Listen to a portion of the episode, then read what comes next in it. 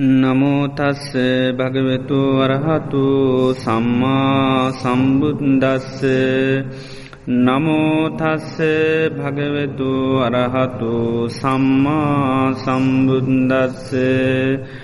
නමෝතස්ස භගවෙතු අරහතු සම්මා සම්බුද්දස්ස.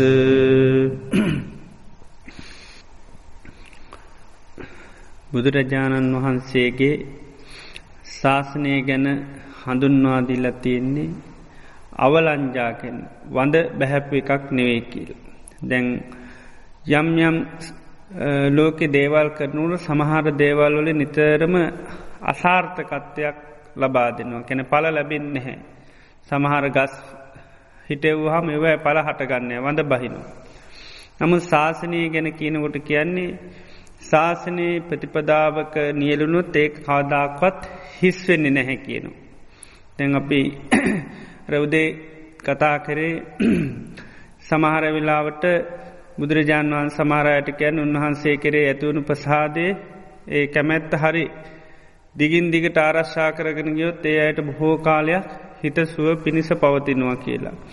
ඒ විදිහට ශාසනය පිළිවෙත් පිරුවොත් අපි යම් ප්‍රතිපදාවක කටයුතු කරොත් ඒක කාදාක්වත් අපතේ යන දෙයක් වෙන්නේ නැහැ.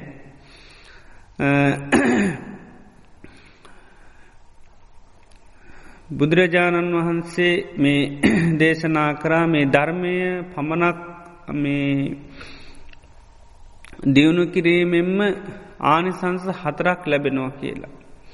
සෝතානු දතානම් භික්කවේ ධම්මානං වචසා පරිචිතානම් මනසානු පෙක්කිතානන් දිට්ටියා සුප්පටි විද්ධානන් චත්තාරු ආනි සංසා කියලා. සෝතානු දතානංකය නිස්සර නිතරම ධර්මය අහනු. අහලා ඒ ධර්මය දරාගන්න. ඒ දරාගන ඒ ධර්මය නිතරම පුරුදු කරනවා. වචසා පරිචිතානං කැනෙක වචනයෙන් ධර්මය පුරුදු කරනවා. ඊළඟට මනසානු පෙක්කිතානං නිතරම අර්ථ විමස විමස ඒක නුවනින් ඒ ධර්මය නුවනින් දකිනවා. ඊට පස්සේ ඒ විමස විමස බලනකොට ඒ ධර්මය පිළිබඳ යම් වැටහීමකට පත්වෙනවා.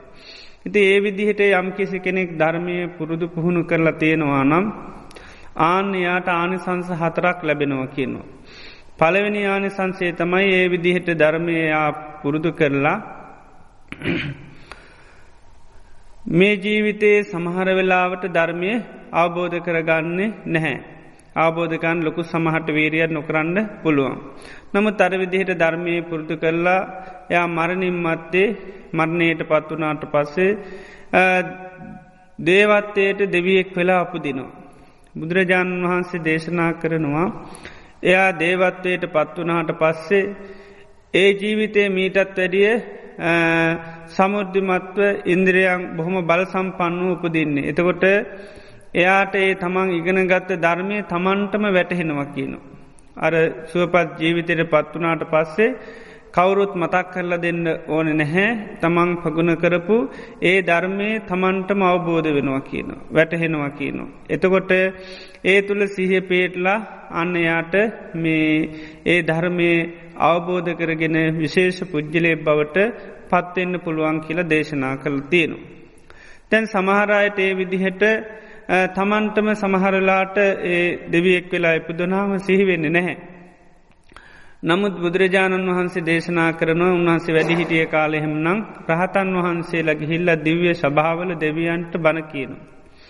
එහෙම නැත්තං අරිහත් බ්‍රහ්මය ඇවිල්ල බණ කියනවා සනංකුමාර බ්‍රහ්මරාජයා හෙම දිවිලෝගෙට ඇවිල්ල බණ කියනවා ජනවසභ සූත්‍රය ආදීවල එක සඳහන් වෙනවා ඒ දෙවියන් ළඟට ඇවිල්ල ඒ අරිහත් බ්‍රහ්මරාජරු බණ කියනවා. එතොට ඒ දෙවියන්ට බණ අහන්ඩ ලැබෙනු.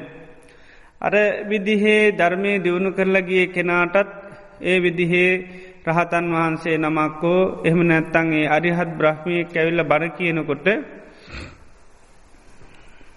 ඒ ධර්මය ඇහෙනකොටම ටක්ගාල තමම් පුරුදු කරපු ධර්මය ඉක්මනටම සිහිවෙනවා කියනවා. ඒක බුදුරජාණන් වහන්සේ පෙන්නන උපමාවක් මේ යම් කිසි කෙනෙක් හක්ගෙඩි හඬක් පුරුදු කරනවා. දැන් හක් හඬක් පුරුදු කරපුවාම එයා හුරු කෙනාට කොහේරි ගියපුවාම ඇහෙනවානං එයට සැකයක් සංකාවක් කෙනෙනෑ මොකක්ද මේ හඬ කියලා. හොඳටම දන්නවා හක්ගෙනි හඬක් කියලා එය සැක කරන්න ආන ඒ වගේ තමයි අර ධර්මය හොඳට පුරුදු කරලා ගිය කෙනාට අර දේවත්වයට පත්වනහට පස්සේ. ඒ ධර්මය හඬ ඇහෙනකොටම තමන්ට සීවෙනවා අනේ මම මේ පෙර පුරුදු කරපු ධර්මය නේද මේ කියන්නේ කියලා.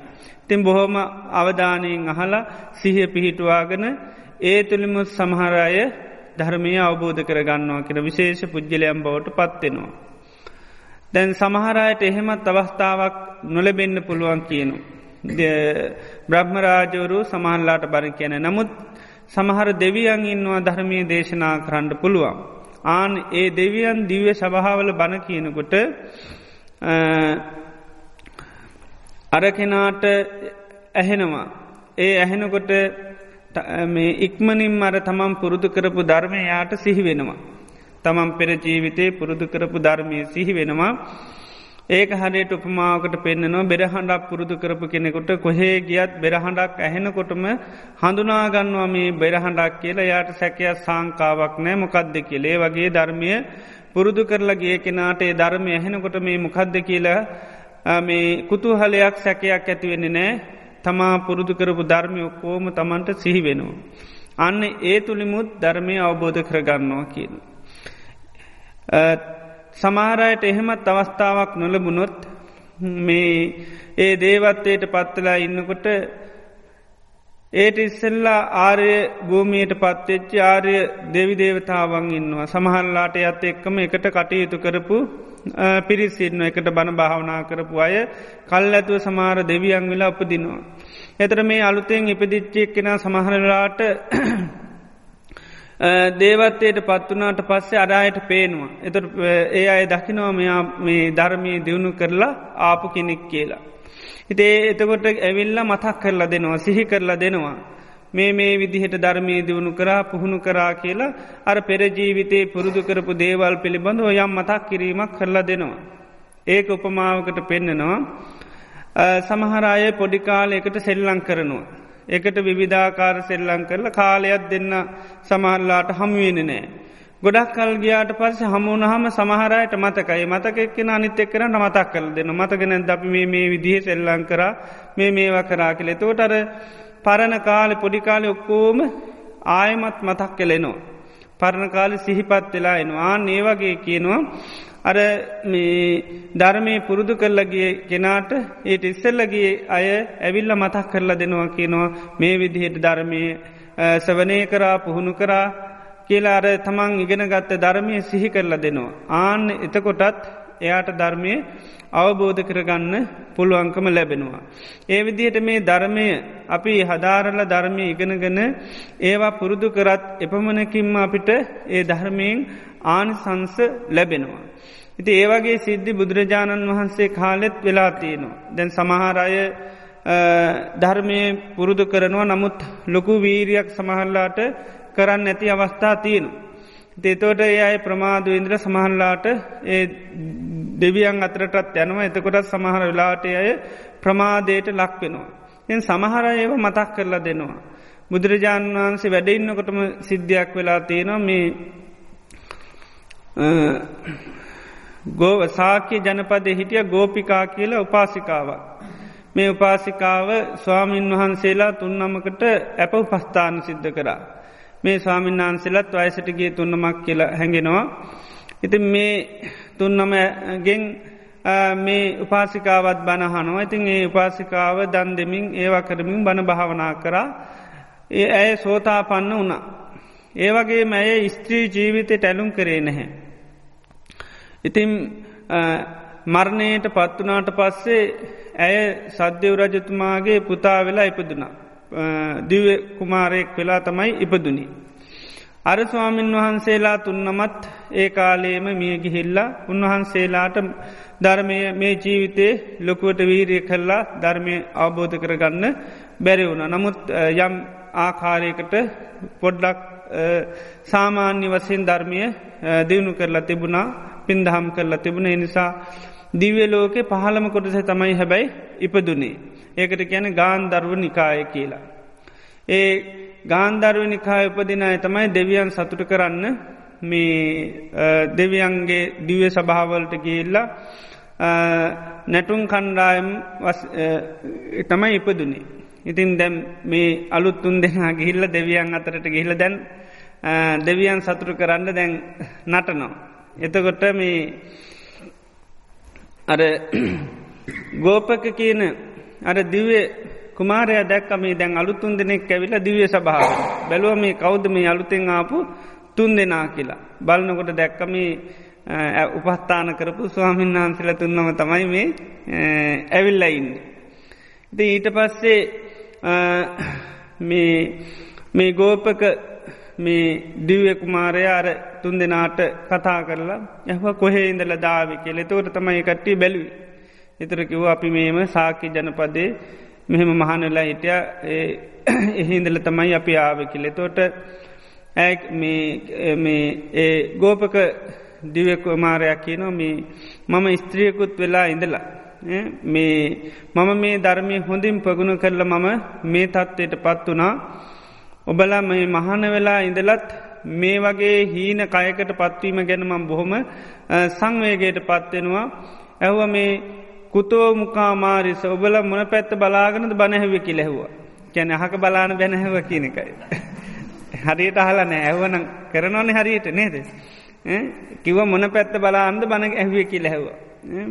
මේ මම කාන්තාවකුත්තලා මේ තත්වට පත් වනා ඒ නිසා මොන පැත්ත බලාන්ද බනැහව කිලැව ඇති එතෝට ඒ අයට හරි සංවයක් ඇතුන අපි අනේ පැවිදිල ඉඳලත් මේ වගේ හීන ජීවිතයක්නේ ලැබුණ කියලා මේ කලකිරිලා ඒ අය මේ ධර්මය දියුණු කරා භාවනා කරා. දෙන්නෙක් අනාගාමි වෙලා මේ කාමරාගේ දුරු කරලය කට්ටි බ්‍රහ්ම ලෝක ගිහිල්ල ඉපදුනා.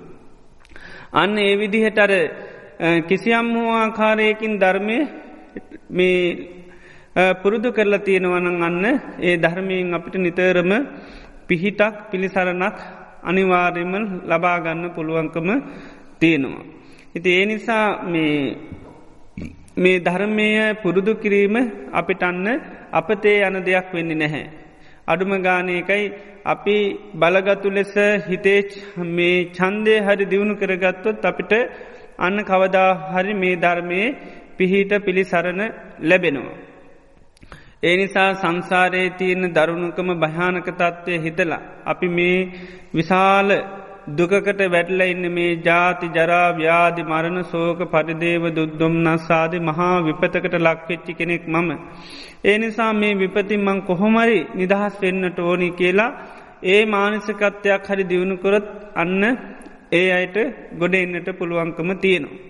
ඒ නිසා මේ ශාසනයේ අපි මේ විදිහේ වෙරවීරිය වැඩීම කවදාකවත් අපිට හිස් දෙයක් වෙන නෑ අපිට අනිවාරෙන් මේක ප්‍රතිපාක ලබන්න පුළුවන්කම ලැබෙනවා. ඒ නිසා අපි කර මේ නිරන්තරයෙන්ම මේ විදිහේ ධර්මය සවනය කරමින් ධර්මී පුරුදු කරොත්තන්න අපේ ජීවිතයට ලොකු ප්‍රෝජනයක් ලබාගන්නට පුළුවන්කම ලැබෙනවා. අද දේශනී මං දේශනා කරන්ට බලාපොරොත්තු වෙන්නේ කිම්මූල කියලා සූත්‍රයක් තියෙනවා ඒ ඒක මුල් කොටස තමයි උදේ දේශනා කරන්ට හෙදුනේ.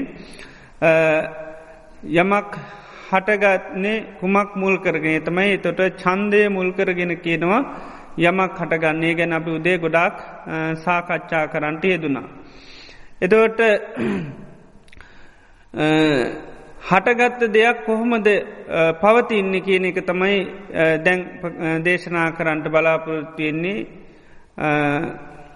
මනසිකාර සම්බවා සබ්බේ දම්මා සෑම ධර්මයක්ම පවතින්නේ මනසිකාරය මුල් කරගෙනයි.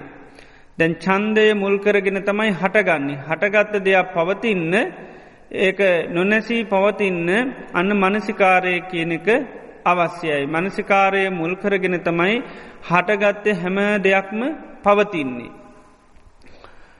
කුසල් අකුසල් හැම ධර්මතාවයක්ම මේ මනසිකාරය මුල්කරගෙන තමයි පවතින එකට යෝනිශෝ මනසිකාරය අයෝනිශෝ මනසිකාරය කියන එක දෙක සඳහන්නෙනවා. යෝනිසෝ මනසිකාරය මුල්කරගෙන තමයි හටගත්ත කුසල ධර්ම මේ පවතින් අයෝනිසෝ මනසිකාරය මුල් කරගෙන හටගන්න අකුසල ධර්ම පවතිනවා. එතකොට දැන් අපේ හිතේ මුල් බැහැලතියෙනවා කෙලෙස් මුල් ඒ මුල් මුල් කරගෙන තමයි නිතරම අපේ හිතට මේ කෙලෙස් සිතිවිලි හටගන්න. ඒ හටගන්න සිතිවිලි දිගින් දිගට පවත්වන්න නම් අපි ඒ සිතිවිල්ල පිළිබඳව අයෝනිසෝ මනසිකාරය යෙදෙන් ඕනි නැත්තම් පවතින්නේ නැහැ. අයෝනිසෝ මනසිකාරය කරොත් ඒක දිගින් දිගටම නොනැසී පවතිනවා. දැන් අපේ හිතට අපි කේන්තියක් ආවොත් එහෙම අපි පයභාගයක් හිතුව තන්න පැයභාගෙම ඒක අපේ හිතේ පවතිනවා. එතර මේ යෝනිසෝ මනසිකාරයටත් අයෝනිසෝ මනසිකාරයටත් ආහාර කියල කියන්නේ ඒකයි. දැන් බාහිරවත් යමක් හටගත්තොත් ඒක පවතින්න නම් ආහාර ඕන. දැ මේ ගහක් නං ඒකට පොහොර වතුර වැටෙන් ඕනි එක දිගින් දිගට මේ පවතින්න.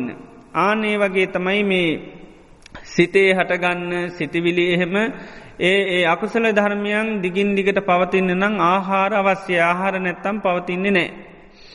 මේ දැන් අපි කෙලෙස් ගත්තහම සාමාන්‍යයෙන් වසයෙන් ඒවා අපිට හිතට එන කෙලෙස් සිතිවිලි නතර කරන්න පුළුවන්කමක් නෑ. දැන්ගේ මුල් තියෙනවන නිතරම මොටයියෝ එනවා. ඒක වලක්කන්න පුළුවන්කමක් නෑ. හැබැයි අපිට ඒ හටගන්න සිතිවිලි අන්න මේ පෝෂණය නොකර මේ ඒවා ගස්වෙන්ඩ ඉඩ නොදී නිතරම පුළුවන් ඒවා අන්න මේ හටගන්නකොටම ඒක නැති කරලා දාන්න. ඒක ගැන අයෝනිසෝ මනසිකාරය යෙදනුත් තමයි ඒක ඉතාමත්ම බල සම්පන්න දෙයක් බවට පත්වෙන්නේ. ඒක අපිට හොයාගන්නුවත් බැරි තරමට ඉතාමත්ම බලගතුව වැඩෙනවා. දැන් ගහක් ගත්තහම මේ මේ මුලකින් යම් පැලයක් හටගත්තොත් ඒක පෝෂණය වුණොත් උඩට හැදෙන්න්න හැදෙන්න්න මොකද වෙන්නේ ගහේ යට මුල් සත්තිමත් වෙනවා. ගහේ මුල සත්තිමත් වෙන උඩ හැදෙන් හැදෙන්න. එතකොට ඒ ගහ යම් කාලයක් පවති දෙතවට මොකද වෙන්න බල ඉතාමත්ම බල සම්පන්න වෙනවා මුල් මුල් බල සම්පන්න වෙන්න වෙන්න ගහ කැපත් අයත්වෙනවා. ඒ වගේ තමයි මේ හිතේ හටගන්න අකුසල් සිතිවිලි ගත්තත් එහෙමයි අපි අං අවස්ථාවක හටගත්තට පස්සේ ඒ අපි පෝෂණය කරොත්මකද වෙන්නේ අර චන්දය කියන එක තව තවත් බලගත්තුවෙන. එතකොට ඒ අකුසලේ හිතේ හටගෙන නිරුද්ධ වනාට පස්සේ ආයමත් අපි දැන් ඒක සුක සංඥාවෙන් ඒක සැපයක් හැටියට පරිහරණය කරොත් ආය සැපයක් හැටියට තමයි ඒක මේ හිතේ මුල් බැසගන්නේ. එතකොට ආයමත් එනකොට මොකද වෙන්න අපි ආයත් ඒ අයෝනිසු මනසිකාරය කරනකොට ආයමත් ඒක බලගතු වෙනවා. ඒ නිසා මේ නීවරණ ඒ හැම දෙයක්ම බුදුරජාණන් වහන්සේ පෙන්නන්න මේ අයෝනිසෝ මනසිකාරය මුල්කරගෙන තමයි ඒවා හටගන්න ඒකයි දිගින් දිගටම ඒ සිතිවිලි අපේ හිතේ පවතින්නමකද ඒවට අපි ආහාර සපේන නිසා එනිසා නොහැසි දිගින් දිගටම පවතිනවා. දේනිසා හටගන්න සිතිවිලිවලට එකයි ආහාර දෙන්න පාකින ආහාර නොදුන් නොත්තමයි ඒවා අන්න නිරුද්ධ කරන්න පුළුවන්කම ලැබෙන්නේ. දැන් අර මුල් එන්නක මුලින් නිතර මොටයනකොට කරලදානුවන මොකද වෙන්නේ ගස් හැදෙන්නේ නෑ එතකොට අර ආමි ඒක තියෙන මුල් නිතරම මේ බල සම්පන්න වෙන නෑ එන්ඩ එන්නම මුල් දිරලයනවා. එතකට තමයි යම් දවසක මුළුත් එක්ක ගලවලදාන්න පුළුවන්කම ලැබෙන්නේ. දේවගේ සිතට එන අර කාමච්චන්ද ව්‍යාපාද තීන මිද්ද උද්දච්චකුක්කොච්ච විචකිච්චාදීමේ නීවරණ ධර්මයන් එනකොටම හඳුනාගෙන ඒවා පෝෂණය වෙන්න නොදී අන්න ඒ වගේ ආදීනුව සලකන්නට ඕන ආදීනුව සලකනකොට ඒකට ආහාර ලැබෙන්නේ. එතකොට කාලයක් යන්න යන්න යන්න ආදීනුව සලකනකොට ඒකට තියෙන අර කැමැත්ත චන්දය නැතින එතට මුල් එන්ඩ එන්නම දුරුවල එරනවා එතකොට යම් දවසකට අපිට ඒක නැතිකර ගන්න පුළුවන්කම ලැබෙනවා. ඒ වගේම තමයි කුසල් පැත්තෙන් ගත්තත් මේ හටගන්න කුසල ධර්මයන් පෝෂණය වෙන්නෙත් ආහාර නිසා. දැන් අපි සද්ධාව වීරිය සති සමාධි ප්‍රඥා ඉළඟට බොජ්ජංග ධර්ම මේ ඔක්කෝටම තියෙන ආහාරය තමයි මේ යෝනිසෝ මනසිකාරය යෝනිසෝ මනසිකාරය කරන්න කරන්න තමයි අන්න ඒවත් බලගතු වෙන්නේ. මේ ඉන්ද්‍රිය ධර්ම බොජ්ජංග ධර්ම ඔක්කෝම පෝෂණය වෙන්න මේ අපි යෝනිසෝ මනසිකාරය කරන්න කරන්න. දැන් අපි යම් දෙයක් පිළිබඳව ආදීනව සලකනවනං ඒ පිළිබඳව අපිට සද්ධාව වීරිය සති සමාධි ප්‍රඥා වැඩෙනවා. දැම් බුදුරජාණන් වහන්සේක ගාථාවක දේශනා කරනවා පංච ජාගරතන් සුත්තා පංච සුත්තේසු ජාගරා පංචසු රජ මාධ්‍යේති පංචසු පරි සුජ්ජතිී කියලා. පංච ජාගරතන් සුත්තා පහක් නිදාගන්නකොට පහක් අවදි වෙනවා කියන. ඉළඟට ඒ පහ නිදාගන්නකොට අනිත් පහ අවදි වෙනවා කිනවා. ඒ තමයි දැන් යං අවස්ථාවක අපේ හිතේ නීවරණ අවදිමත්ව තියෙනවා නං ඇහැරිලා නං ඒ හැම අවස්ථාවකදීම ඉන්ද්‍රිය ධර්ම නිදියනවා. ඉන්ද්‍රිය ධර්මයන් අවස්ථාවක අවදිමත් වනානං ඇහැරුණා නම් ඒ අවස්ථාවේ නීවරණ ධර්ම නිදියනවා. අර අපි යමකටද ආහාර දෙන්නේ ඒ ආහාර දෙන අය තමයි නැගිටල ඉන්නේ. ආහාර නොදෙනයි නිදාගන්න. දැන් මේ වෙලාවේ ගත්තොත් එහෙම දැන් අපි ධර්ම සාකච්ඡා කරන දැන් හොඳ ධර්ම නිමිති තමයි ඇහෙන්නේ දැන් ඒ පිළිබඳව අපි යෝනිසෝ මනසිකාරය කරන්න කරන්න අපේ හිතේ සද්ධාව වැඩෙනවා වීරිය වැඩෙනවා. ඊළඟට සිහිය වැඩෙනවා. සමාධි ප්‍රඥා වැඩෙනවා. දැම් මේ වෙලාවේම මම පටිග නිමිත්තක් ගැන කතාකරොත්මකද වෙන්නේ. පටික ගැන නිමිත්තක් ගැන කතා කන මොනොහරි. එතකොට මොකද වෙන්නේ අර ඊට පස්සේ ආහාර ලැබෙන්නෙමකටද. පටගේට තමයි ආහාර ලැබෙන්නේ ඊට පස්සයන්න අයෝනිසෝ මනසකාරය අපි කරනවා. එතකොට අන්න අර පටිගේට තමයි ආහාර ලැබෙන්. මේ අවත්තායෙන් මං මොනහරකේ මට වෙච්චි සමල්ලාට මේ කවුරරි කරපු දෙයක් ගැන මම කියනු. ඒ කියනකොට ඒක හයින්නොට සමහල්ලාට ඔන්න කේන්තියක් ඇතිවෙනවා. ඇයි මේ හාමුදුරන්ට මේ විදිහට කෙරේ කියලා. නේද. ඒ විදිහට අර දැන් දැ මේ වෙලාව ගත්තහම දැන් අර නීවරණ ටික ඇහැල්ලනෑ නීවරණ නිදි. දැන් කාමච්චන්දයත් හිතේ වැඩ කරන්න. ඊළඟට තීන මිද්‍යත් නෑ විචිකිච්චාවත් නෑ. ඊළඟට මේ උද්දච්චකු කුච්ච පටිග මේවා දැන් ඒවට ආහාර නැති නිසා නිදි. දැන් අර ධර්මය අහන්ඩ හන්ඩර ඉන්ද්‍රිය ධර්ම තමයි පෝෂණය වෙන්න. එතකොට අපි අර යං අවස්ථාවක ඒ මේ අවස්ථාව වනත් මම දැන් ඒ පටිගයක් ඇතිවෙන නිමිත්තක් කතාකර තන්න පටිගේ ඇතිවෙන. ඊළඟට මේ වෙනත් නීවරණයක් ඇතිවෙන දෙයක් කතාකරුත් ඔන්න නීවරණය ඇතිවෙනවා. ඊළඟට දැන් අර ධර්මය කතා කරන නිසා නිතරම ඉන්ද්‍රිය ධර්ම තමයි දැන් අපේ පෝෂණය වෙන්නේ. මේ නීවරණ ධර්ම නිදී. එතොට මේ නීවරණ තුළින් නිතරම කියන පංචසු රජමාදේති පහකින් තමයි කෙලෙස් ඇති කරලා දෙන්න. පංචසු පරිසුද්ධති පහකින් තමයි නිතරම පිරිසුදු භාවය ඇති කරලා දෙන්න.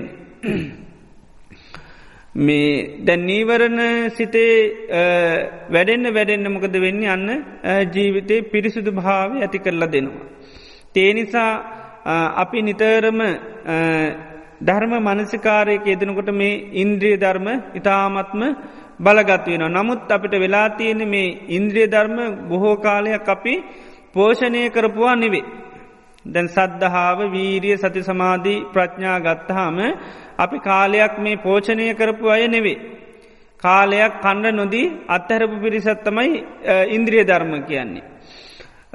දැන් නීවරණ ධර්ම කියන බොහෝ කාලයක් කණ්ඩ දීපු පිරිසක්.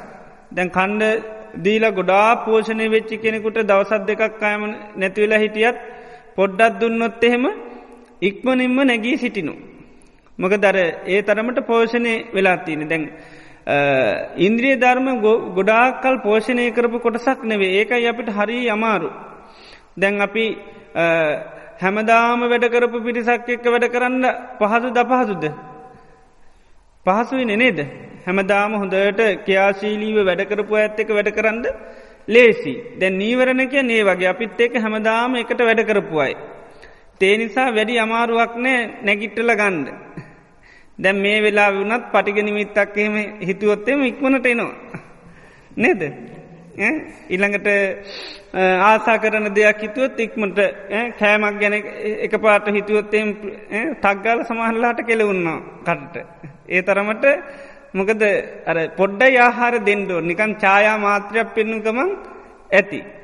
ඊළඟට තීනමිද්දිටත් ඒළඟට විචිකිච්ච ඒ නීවර නොක්කෝට මෙහෙමයි මොකද කාලයක් තිස්සේ ගොඩාක් දුරට මේ අපිත් පරිශීලනය කරපු කොටසක් අපි වැඩගත්ත කොටසක් ඒ නිසාර පොඩි කෑමටිකක් විතර යොන්ඩුවන් ටක්ගාල නැකිටල එනු. නමුත් මේ සද්ධාව කියන එක වීරිය කියන එක සිහිය කියන එක ඊළඟට සමාධි ප්‍රඥා කියන ගොඩා කල් මන්ද පෝෂණයෙන් පෙළිච්චි පිරිසක්. ඉතින් ලේසිනේ කණ්ඩ දුන්නට නැගිට්ටුවල ගන්ඩ. ඉතින් කොච්චර ආහාර දුන්නත් මේ නිතරම නැගී සිටුව ගන්න හරි අමාරුයි. ඒකයි දැන් අපි දැන් ඒවා උපයෝගි කරගෙන්නේ දැම් මේ කුසලයේ යෙදෙන්ට තියෙන්නේ සද්ධාව වීරිය සති සමාධි ප්‍රඥාව උපයෝග කරගෙන තම අපි කුසල් කරන්නේ. ඒකයි දැම් භාවනාවට අපි හිත පිහිටුවාට අන්න සීහ කියන්නේ බොහොම නිදිමත එක්කෙනෙ. ඊළඟට පණනෑ ඒකයි සීහ පිහිටුව ගත්තට වැටෙනු. ඒ මොහොතේ මනි පැත්තට ගිහිල්ල වෙරයි මොකද අර බලගත්තු කෙනෙක් නෙවේ සීහ කියන් ගද බොහොම බල රහිතයි. ඉති ඒ නිසා තමයි සහ පීටුවා ගත්තට පිහිටන්නේ සද්ධහ පීටුව ගත්තට පිහිටන්න වීර ඇතිකර ගත්තට හිටින්නේ. සමාධිහිතේ පීටුව ගත්තට හිටින්නේ ප්‍රඥාව අධිමත් කරාට එන්නේ නැහැමක දර බොහෝ කාලයක් මේ පෝෂණය වෙච්චි පිරිසක් නෙමේ ඇත්තටම මේ ඉන්ද්‍රිය ධර්ම කියනෙවා. බොජ්ජංග ධර්ම ඔක්කෝම මේ කුසල් කියන පැත්ත හැම දෙයක්ම බොහොම දුර්වලතාවෙන් තියෙන්. ඒ දුරුවල වෙලා තියෙනමකද අර ඒවට නිසි පෝෂණයක් ලැබිල නෑ. තින් පෝෂණය ලැබිච්ච තමයි අර ඉතාමත්ම බලගත්තු වෙලා තියන්නේ ඒකයි දැන් අපිට දැම්මේ අයෝනිසෝ මනසිකාරය කරනකොට අපිට පේන හොඳටම මනස කියාත්මක වෙනවා. දැන් අපි ඕනම වෙලාවක ඒ කෙලෙස් සිතක් පිළිබඳව සීකරොත් අපිට හොඳටම දැනෙන්න මේක හටගන්නවා. දැම් පටග නිමිත්තක් කරං හිතුවත් එම දැනෙන්නම ඒක මේ වෙන නමුත් අර මේ කුසල පැත්ති දෙයක් අපි හිතුවට අපිට ඒක වැඩෙනුව පේනෙ නැහැ. දැන් සද්ධහා ඇතිවෙන විදිට හිතුවත් ඒ සද්ධහා වැඩෙනු අපිට පේන්නේ. වීරි ඇතිවෙන දෙයක් හිතුවත්තේ අපි ගොඩ වෙලා හිතන ඒත් සමහරලාට වීරි ඇතිවෙන අපිට දැනෙන්නේ. ඊළඟට මේ සීහ උපදන දෙයක් අපි කොච්චර කරත් උපදින්නේ. හේතුව තමයි අර මේ පෝෂණය නොලබපු නිසාපය අර ගොඩ ඒකට ආහාර දුන්නත් එක පාටම නැගෙයි සිටුව ගන්න බෑ ඒකයි අපි සාමාන්‍යයෙන් ඒ මේ හොඳ දෙයක් මේ හිතනකොට ඒ බලගත්තු ලෙස හිත වැඩෙන් ඇති නිසා තමයි අපි ඒ විදිහට සමහන්ලාට යෝනිසෝ මනසකාරය යෙදෙන්ට පසු බට වෙලා තියෙන්නේ. මකදර වැඩීමක් පේනෙ නැති නිසා. නමුත් අයෝනිසුව මනසිකාරය පැත්තදේ හොඳට වැඩන නිසා අපිට ඒක හොඳට දැනෙන. ඉති එනිසා ඒක ඉතාමත්ම බලගත්ව හිතේ පෝෂණය වෙනවා. නමුත් මේ කුසල පැත්තදේ පෝෂණය වෙනවා පේෙන් නැති නිසා තමයි අපිට දිගින් දිගට කරගන යන්ඩ අපහසුතාවේ තියෙනෙ. නමුත් අපි කාලයක්ත් එෙස මේ යෝනිසික මනසිකාරයක් පැවැත්තුවත් අර වගේම බලගත්තු වෙලා එනවා. ඒක ඒ ඉන්ද්‍රිය ධර්ම බල බවට පත්වෙනකොට ඉතාමත්ම ඉක්මනින්ම හිතේ පිහිටනවා. මේ දැන් අපිට සැනිකව හිතට ආශාවත් තරහක් ඇතිකර ගන්න පුළුවන් වගේ තමයි ඉන්ද්‍රිය ධර්මත් අපිට ඒ වගේම බොහෝ කාලයක් දියුණු කරල පෝෂණය වුණොත් ඒ වගේම දැන් සීහහෙම ගත්තාම සීකරපු මාත්‍රය මීට පස්සේ සීහ පිහිටනවා. එතොට වැඩි උත්සාහයක් අවස්සි වෙන්නේ නෑ. ඒ නිසා මේ ඉන්ද්‍රිය ධර්මයන්ට පෝෂණය තමයි අපි දෙන්නට රොනියේ සඳහා යෝනුසෝ මනසිකාරී යෙදෙන් ොනිත මේ දස්සල දේශනා කරපු හැම දේශනාවල මේ යෝනුසෝ මනසිකාරය ගැන කියවුණා. ඉතිේ නිසා යෝනුසෝ මනසිකාරී යෙදීම තමයි අපිට මේ ධර්මය අවබෝධ කරගන්න තියෙන මාර්ගයක යර සම්මා දිට්්‍ය ඇති කරගන්නත් පෙන්නන්නේ යෝනුසෝ සද්ධර්මස්වනයයි යෝනුසෝ මන්සිකාරයයි. තින් මේ සද්ධර්මසවනේ තමයි ආහාරය වගේ ආහාරය ගැනීම තමයි යෝනිසෝ මනසිකාරය. දැන් අපි ලෝකෙම තියෙන ආහාර පාන හදන් ඉගෙන ගත්තත් අපි ඒක කවදාක්වත් පාවිච්චි කරන්න ඇත්තන් අපිට මේ පෝෂණය කියන එක ලැබෙන්නේ. ඒ වගේ මාහාරය රසය ලැබෙන්නේ අපි අනුභව කරන්න ඇත්තන් ආන ඒ වගේ තමයි ඉගෙන ගත්ත ධර්මය අපි කොච්චර පොගුණ කරත් ඉගෙන ගත්තත් ඒක යෝනිසෝ මනසිකාරය කරන තාක්කල්ලයකින් පෝෂණයක් අපිට වැඩෙන්නේ නෑ. ඉති එනිසා මේ යෝනිසෝ මනසිකාරයේ යෙදීම තමයි අපිට මේ ධර්මය අවබෝධ කරගන්න මේ ඉන්ද්‍රිය ධර්ම බොජ්ජංග ධර්ම ඔක්කෝ මැතිකරගන්න තියෙන එකම ආහාරය. ඒකයි මේ මනසිකාර සම්බවා සබ්බේ දම්මා කියන්නේ එකයි හටගත්ත හැම ධර්මයම්ම පවතින්න මේ මනසිකාරය තුළ. ඉති ඒ නිසා මනසිකාරය යෝනිසෝ මනසිකාරය පැවැත්තුවත් තමයි අන්න මේ අපිට මේ ධර්මය අවබෝධ කරගන්න පුළුවන්කම තියෙන්. පස්න මකුත්ති නොද.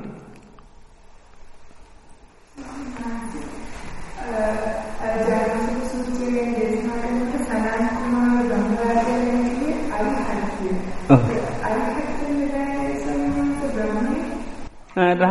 අයි ඉන්නවා බ්‍රහ්ම ගටේකාර බ්‍රහ්මය ඔක්කොම ඒ බ්‍රහ්මලෝක උපදිනකොටම සමාරය අරි රහත් භාවයට පත්වෙන.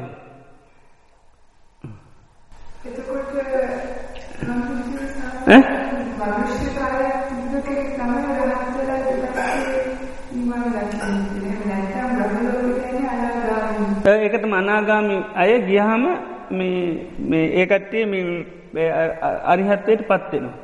අර තියෙනගාමී ඕ ඒ අවශ්‍ය තියනකං ඊට පස් ඉන්න. අර තියෙන්නේ මේ ගටීකාර බ්‍රහ්මය විල්ල බුදුරන් වහන්සිට කියනවා. අවියං උපන්නාසේ විමුත්තා සත්තභික්කවෝ රාගදේශ පරික්කේන තින්නා ලෝකයේ විසක්තිකා උපකෝපල ගණ්ඩෝච පුක්කු සාතීචතේතයෝ බද්ධියෝ බද්ධ දේවෝච බාහුදන්තීච පිංගියෝ කියලා ශාසනය බිස්සුන් වහන්සේලා හත්නමක් ගැන කියල කියනවා. අවියං උපන්නාසයකැන අවිය බඹලෝ උපන උපදිනකොටම විමුත්තා සත්ත භික්කව බිස්සුන් වහන්සල හත්නමම විමුත්ත භාවයට පත්වන. ඒ ලෝක උපදිනකොටම එය අරිහත්වයට පත් වුණ. ඒ අයි තමයි පුක්කු සාති. අර බනහලා හරකෙක් ඇනල අපත්වෙනවනේ ඒ පුක්කු සාති. ඊළඟට ඒ වගේ පිංගිය බද්ධිය බද්ධ දේව කියල හත් නමක්ම ඒ අය ඒ ලෝක උපදිනකොටම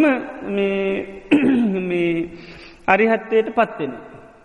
ඉති මේ ඒ නිසා ඒ බ්‍රහ්මලෝක ඉන්නවා අරිහත්තයි දැන් ගටේකාරත් මේ අරිහත් බ්‍රහ්මරාදිය. එය ඒ බුදුරජාණන් වහන්සේ ඇර කාශ බුදුරජාණන් වහන්ස උන්වහන්සේගේ යාලුව තමයි මේ ඒ ගටේකාර කියන්න. තේවෙලාවේ බුදුරන් වහන්සේ යන බොහෝම ගැඹුරු දෙයක් මේ ඔයා ප්‍රකාශ කරන්නේ කොහොමද ඔයා මේක අවබෝධ කරගත්තේ කොහෙන්ද මේ අවබෝධ එතොට තමයි කැන මම කුම්භකාරෝ පුරේයාසී වේහලින්ගේ ගටේකරු මාතා පෙත්ති බරෝ සංකස්ස පස් උපාසකාකල් මම කාස බුදුරජාණන් වහන්සේ ශාසනය මේ කුම්බල්කරුවෙක් වෙලා ඉපදුනේ ඉතින් ඒ කාලෙ මම මේ බ්‍රහ්මචාරි ජීවිතයක් ගත කරපු කෙනෙක් මව්පියන්ට උපස්ථාන කරා තින් මම ඒකාලේ ධර්මය මෙම කල්ල තමයි මේ තත්ත්වයට පත්වනේ කියලා. ඉතින් ඒ බුදුරජාණන් වහන්සේ යාළුවෙක් හැටියට එතන කියනවා. ති අවසාන ගාථාව තියෙනවා මේ උබින්නං අන්තිම දේහාන මේ දෙන්නම අන්තිම ශරීර දරණය කියනවා ඒ අන්තිම හමුවීම කියනවා. දැන් එතොට ඇත්ත තොට ඒ රහත්තිලා. තේනිසා මේ බ්‍රහ්ම ලෝක ඉපුදරන්ට පස්සේ රහත්වෙනවා. එතේ තොට ඇබැයි අවශ්‍යතියන තාක් කල්ලේ කටිය ජීවත්වෙනවා. ඒකට තමයි අනන්තරා පරිනිබ්බායි කියලක උපදිනකටම අවබෝධ කරගන්න හරි. දෙවිවරුන්ට රහත්කම ලබන්න පුළුවන් ජීවමාන බුදු කෙනෙක්ගෙන් උපන්නහොත් විතරයි කියන්නේ. ඒගොල්ලන්ගේ සැප සම්පත් වෙන හින්දා දිව්‍ය ලෝකවල ඉපදුනාට මේ රහත්කමක් ලබන්න බැහැ කියලා. ඔව්. මෙහෙමයි දැන් ඒ බුදුරජාණන් වහන්සේ නම පහළුනහම තමයි දෙවියන්ට එහෙම මේ නිවන් මඟ කියන එක පෑදෙන්නේ. නැත්තං සාමාන්‍ය කාලයේදී මනුෂලෝකය වගේම දිවිලෝකෙත් සම්පූර්ණම මුලාවිතම හින්නේ. දැම් බුදුරජාණන් වහන්සේ කියන උන්වහන්සේක ධර්මදේශන හරියට සිංහනාදයක් වගේ කියන. ඒ දැන් බුදුරජාණන් වහන්සේ පාලනාට පස්සේ දැන් උන්වහන්සේ දේශනා කරනකොට මේ දැන් දෙවියෝ ඉන්න සම්පූර්ණම මේ අර සක්කායි දිට්ටිය බැසගෙන මොකද ඒකට හිතානන්නේ ගොඩා කාවශ නිසා මේ දීර්ග ආවශතියනකොට මේ ස්තීර ජීවිතයක් කියලා. ති උන්වහන්සේ දැම් මේ අනිත්‍ය දුක් අනාත්ම දේශනා කරනකොට දෙවියන්ට ඇත්තටම කලන්තය හැදෙනවා කියලා කියනවා. එහෙමම තියෙනවා. කැන්නේ කැනේ එකත්තේ තරමට හිතාගන්න බෑමි අනිච්චාවත් අපි හිතාන හිටියම නිත්‍යය කියෙන මේ දැන් අනිත්‍යය කියනවාන කියනවල. ඒ විදියට එතරම්ම මුලාවක තමයි ඉන්න. අර බක බක්මය එහෙමත් බුදුරජාන් වන්ස ගිහිල දමනය කරනෝනේ එය හිතානින්නෙත් එය නිත්‍යය කෙනෙක් කියලා. ඉති ඊට පස්සේ මුන්හන්සේ මේ ධර්ම දේශනා කරාට පස්සේ තමයි එයා ඒ සැකේ නැතිවෙන්නේ. ඉතින් මේ ඒ දෘෂ්ටි නැතිවෙන්නේ. ඉති ඒ විදිහට මේ බුදුරජාණන් වහන්සේ නම පහළුන හම තමයි ඒ දෙවියන්ට නිවම් මඟ කියන එක පෑදෙන්නේ. අනිත් කාලවලදී ඒ ස්වභාවේ නැහැ. ඒකයි සත්තා දේව මනුස්සානන් කියලකෙන් දෙවියන්ගෙත් මනුස්්‍යයන්ගෙත් අනුශාසකය. ඉතින් දැම් මේ කාලවලති දිව්‍ය සභාවල ධර්ම දේශනා කරනයවා ගොඩාක් මේ සූත්තරොල ඒවතිී නොති. මේ කාලවල ඒවතිී නොති. හැබැයි මේ බුද්ධ ශාසනයේ නැතිවෙනකොට දිවිලෝකෙමුත් හිමීට මේවා කාලයක් එනකොට නැතිවෙලා යනවා. අයත් බුදුරජාණන් වහන්ස පහළ වුණ හම තමයි ඒ දෙවියම් මනුස්්‍යයන් ධර්මය ගැන කතා කරන්න.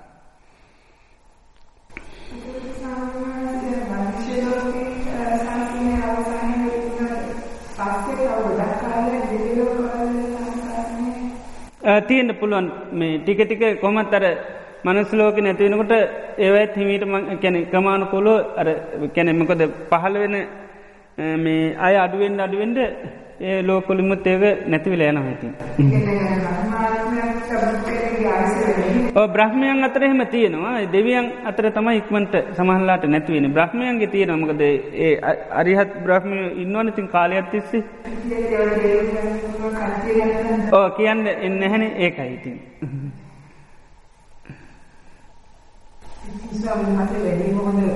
ආයු උපත්තියක් එහෙම තමයි. ඉතින් හැමතිස්සෙම ඉතින් අර සාමාන්‍යයෙන් කියන්නේ දෙව් මිනිස්සුන්ට වගේ දෙව් දිව්‍ය සැකේ වෙලා හොඳයි කියන්නේ මෙතනින් දිනු කරන්න වඩා ප්‍රයෝජනවත් වෙන්නේ ඉන්න එකද නැත්නම් මනුෂ්‍ය ආත්මයක් ආයි කරන්නේ හැබැයි මේ මොන මොකක්ද කරන්න බෑ මෙහෙමයි දැම් මේ බුදු ශාසනය තියන කාලවල තින් දෙවියන් අතර ඉපදුනත් ඒ විමුත්‍යය සඳහා හිත පුද්දු කරපුවායට ඇතට හානියක් නැහැති. කොහමත් මාරපරලාගින් ඔක්කමතින් දියලෝකතම පුදින් නිගිල්ල. දැන් ඔක්කෝගම චරිත ගත්තා වනේ විසාකාව ඉන්න දිවියලෝක අනාත පිඩිතුමා දිවියලෝක ඉළඟට බිම්බිසාර රත්තුමා දිවියලෝකේ නේද. ද අපිටර පොඩ්ඩත් දිවියලෝක කිව්වාම නිකම් ප්‍රමාද තැනක් හැටින්නේ නේද. පේන්නේ. ඉති ඒක ඇත්තටම තියෙනවා. නමුත් දැ මනුෂලෝක වගේ තම හිතින් ද මනුෂලෝකයේ මෙච්චර ආදීනුව ගොඩ තියද්දි මෙච්චර ඉපත්ති කරතර තියද්දි දැන් කොටසක් විතරන අප්‍රමාද වෙන්නේ නේද? දැ මිනිස්සුන්ට ගොච්චර විපත්ති කරදර තිීරඳ නමුත් අප්‍රමාද වෙන සුළූ පිරිසයි. ඉති දිවලෝකවලත් එහෙම තමයි. සුළු පිරිසක් කොටසත් තමයි හරි ධර්මානුකූලව ඒ අවබෝධයෙන් ඉන්න. අනිත් අය විවිධ මත ජීවිතවලට මේවා කරලා මේ කටයුතු කරන.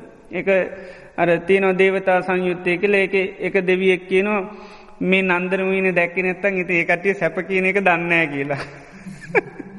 ඉති වර්ණා කරන එතෝට කියනවා මේ අනිත් දෙවියෙක් ඔයාමි රහතන් වහන්සේලාගේ ධර්මී දන්නවනම් ඔහොම කියන්නෑ කියන. මේ හැම දෙයක් මනිත්‍යය කියන. මේ නන්දරුවෙන තනිත්‍යයයි. ඒ නිසා රහතන් වහන්සේලාගේ ධර්මය දන්නවන හොම කියන්නෑ කියන. අන්න ඒ වගේ අර කොටසක් ඒවා පිළිපඳව ලොකු මුලාවකට පත්වෙනවා. කොටසක් ඒව බොහොම අර අවබෝධයෙන් තමයි ඒ ලෝකවලත් කටයුතු කරන්නේ.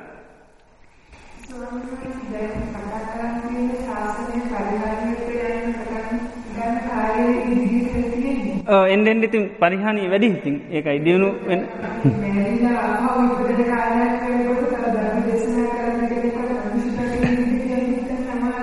කියන්න කැන දියුණුවෙන්ඩත් පුළුවන් සමහරලාට මොකද දැන් අපි ගත්තොත්තේම දැන් අපි ඉන්න කාලෙත් යම් දියුණුකුත් තියෙනවාන ඉති ඉදිරියට සමල්ලාට මීටට දියුණුවෙන්ඩක් පුළුවන් නමුත් ඉති මෙහෙම අපිට තියෙන්නේ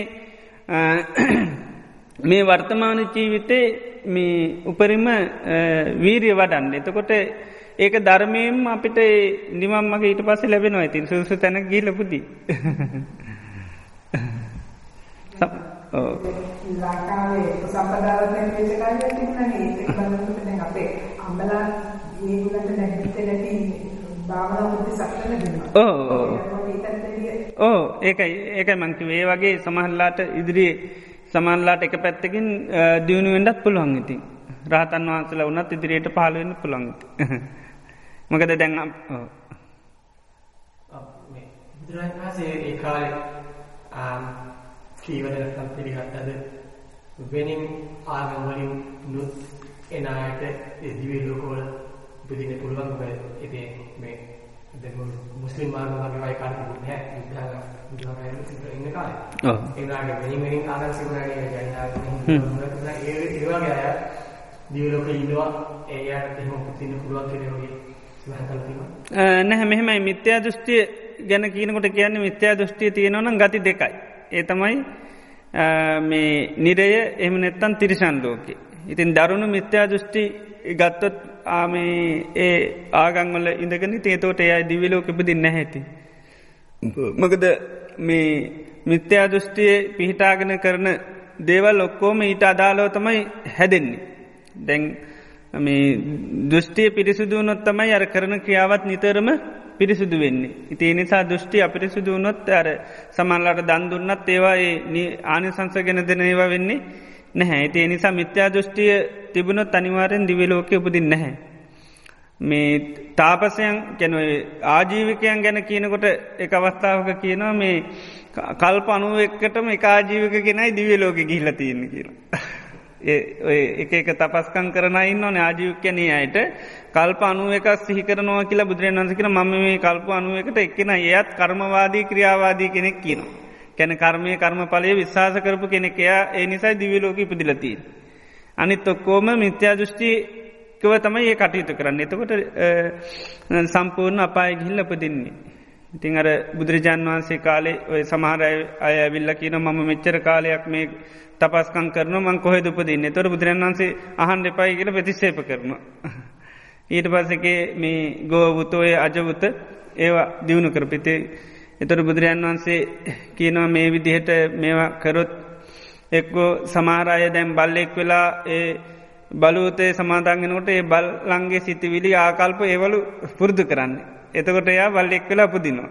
එහෙම නැත්තං ඒකින් එයා හිතනවනම් මේ තපස්කමින් මම විමුත්තියට පත්වන එහම නැත්තන් දෙවියෙක් වෙනවා කියලා එක මිත්‍යා දෘෂ්ටියක් කියන. එතකොට ගිහිල්ලත් නිරේ ගිහිල්ල උපදින්නේ. එත එනිසාර මේ ගොඩක් ආගං අදහනකොට එයයි මිත්‍යා දෘෂ්ටික තමයි එක කරන්න ඉතින්. සමහර ඉන්න ආගන් නාමෙන් නමුත් සමල්ලාට දරුණු මිත්‍යා දෘෂ්ටි නැතිවෙන්න පුළුවන් ඉතින් ඒවගේ අය සමට දම්පින්කං කරලා උපදින්ට පුළුවන්. හින්දුවගේ වගේ ආගම්වල ගොඩක් දෙවරු ගැන සඳහන් කරනවා. බුදුරජාණන්සේ ඒ දෙවරු ගැන සඳහන් කළා පිළිගන්න නෑ නෑ. ඒ මේ ගැන අපේ මේ ඇත්තටම මේ ධර්මය සඳහන් වන දෙවියන් ඒ නමක්වත් නැහැතින්. ඒ අය සාමාන්‍ය මේ අයතමයිත අපේ ලංකාවෙත් අදහන ඔක්කොම දෙවියෝ මේ ඔක්කොම ඉන්දියාවෙන් ආපු අය. දැන් කවුරු සද්‍යවරත්තුමා අදානවාද නෑනෙ නේද? සද්‍යවරත්තුමා ඊළඟට සතුරව රන්දවියෝ ඊළඟට විසාකාව නේද? නියම පත්තිනියම්මලන්නේ කවුරුත් ඇත්තටම අපේ එහෙම මේකක් නැහැ ඉතින්. ඉන්දියාවෙන් ආපු අය තමයි අපි ඇත්තට මේ අදහන්න. ඒවා ඒකට්ටිය කැනැපි ශාසනය හා සම්බන්ධය නෙමේති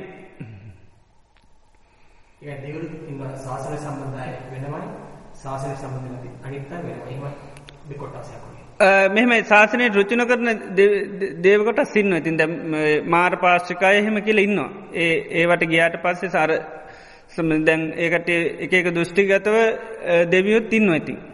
සමහර ශාස්ත්‍රෝරු ඇවිල්ලා වර්ණාකරපු දෙවියන් ඉන්න. පුරාණ කාසප අරේමේ ඒ අයගේ තවස්කම් වර්ණාකරපු දෙවියන් ඉන්න. මක දේ දේවත්වයට පත් වනා කියලා සම්පූර්ණ නුවන ලැබෙන්න හැන. ඉතින් ඒ නිසා වැඩදි මත ගන්න දෙවි දේවතාව ඕන තරන් ඉන්න ඇති. මේ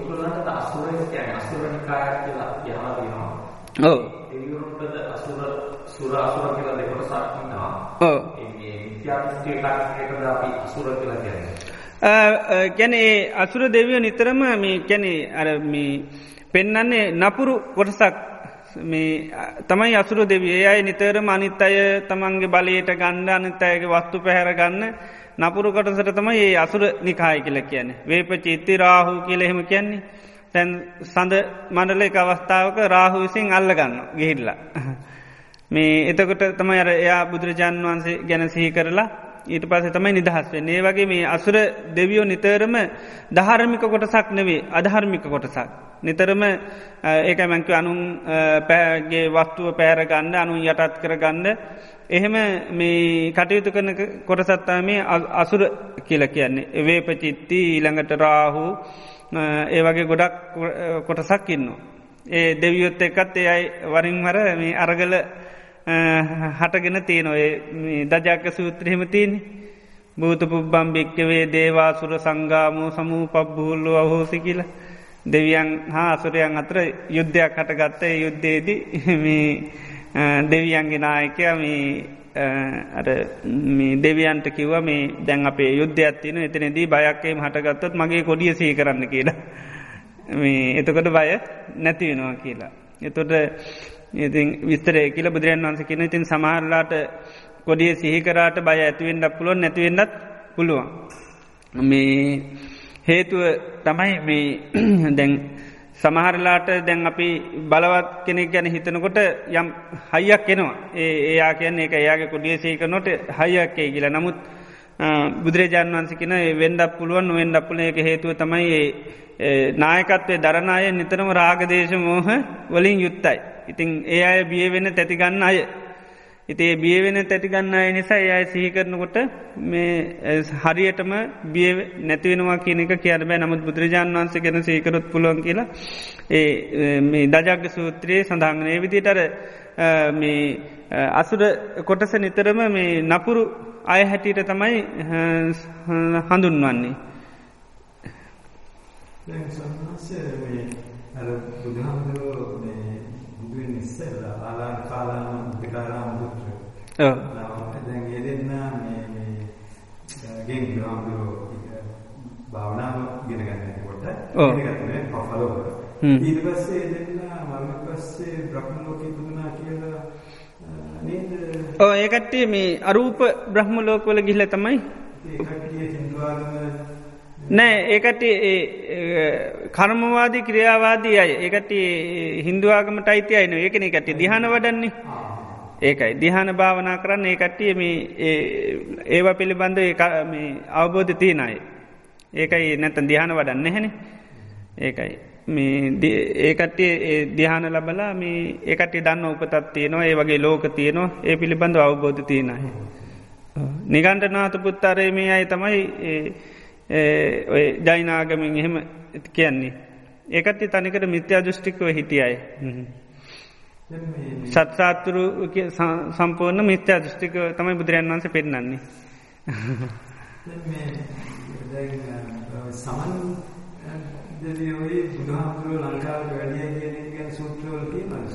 සූත්‍රවල නෑට අප ඉතිහාස මේ වය තමයි තියෙන්නේ මේ සමන් දෙවියන් ගැන.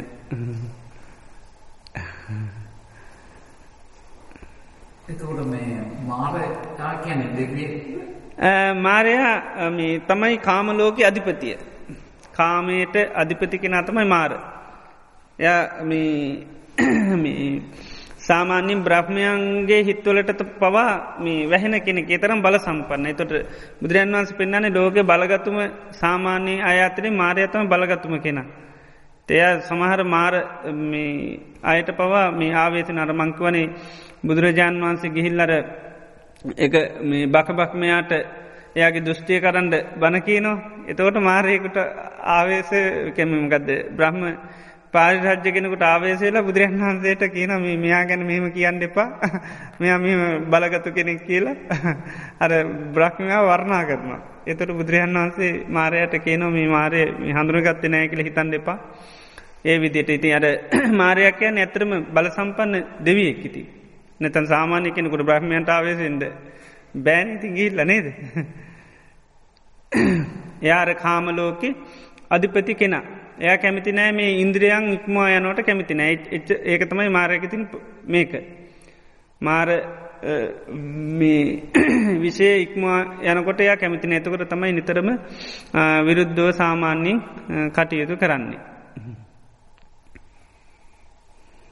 විවිධ මේවා තියන ඉතින් මාර කියන්නේ සංකල්පයක් කියන ඇතර එහෙම නෑති මාර සංයුත්තය කියලා බුදුරන් වහන්සේ මා දේශනා කරපු ගොඩ දේවල් තියෙනවා ඉතින්.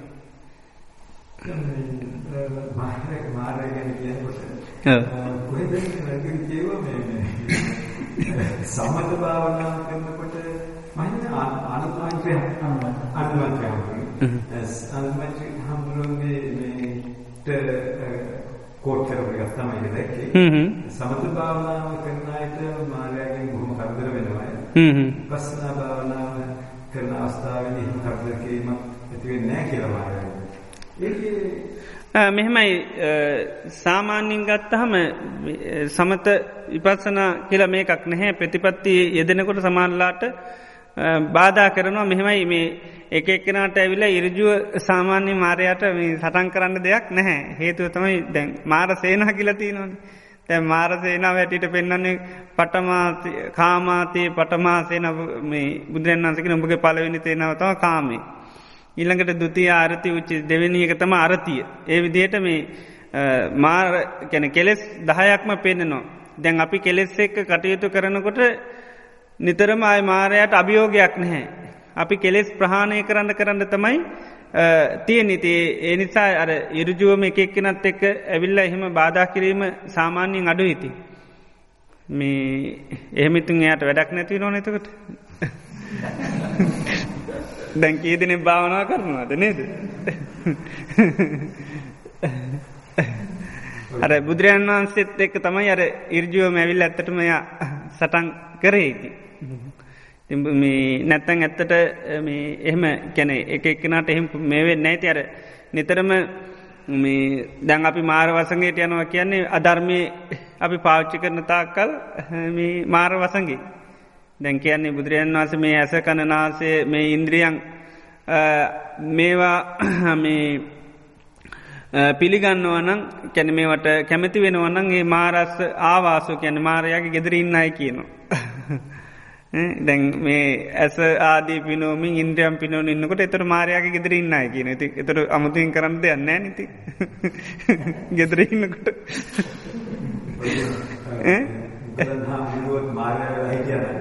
ඕ ඕ උන්හන්සෙත්තේ මාර දිව පුත්‍රයා වෙලා ඉපදිලතින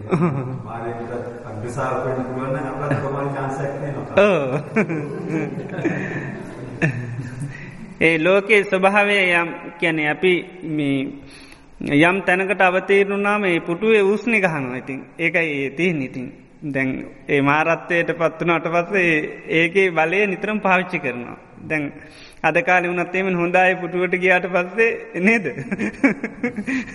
පුටිය උස්නි ටිකක් පාච්චි කරනවා. ඒ තොට යාගේ තියෙන සමහට හොඳ මානසික ගුණ ධර්ම සමන්ට පිරිහිලෑනවා. එත ඒක තමයි මුගලම් මහරතන් වහන්සේත් ඒකයි දැන් මාරය වනාට පස්සේ ඒ මානසිකත්වය තමයි පිහිටන්. එතට මේ තමන් අගස්සාාවගේ කින මතකයක් නැහැ.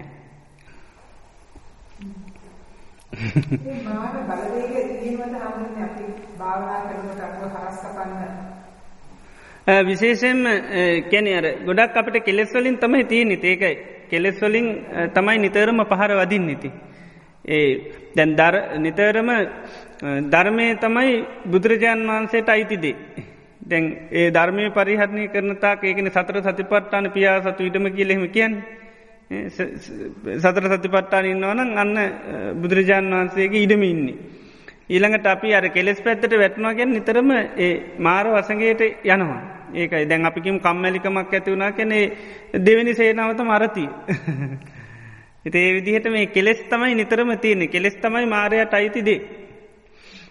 දැම් බුදුරජාණන් වහන්සේටත් පුළුවන්නේ එක දෙයක් කරන්න. ඒ තමයි මේ ධර්මය වර්ණා කරලා ධර්මය ආනිසංස කියලා ධර්මය යොදවන්න. ඒක කරන එක සාාවකයාගේ වැඩක්. ඒක නැරකැන තුම් මේ හිකිච්චං ආතප්පං අක්කාතාරෝ තතාගත මේක ඔබලම කරන්නුවන් තතාගතයන් වහන්ස ගැන මාර්ගෝපදේශකෙක් පමණයි.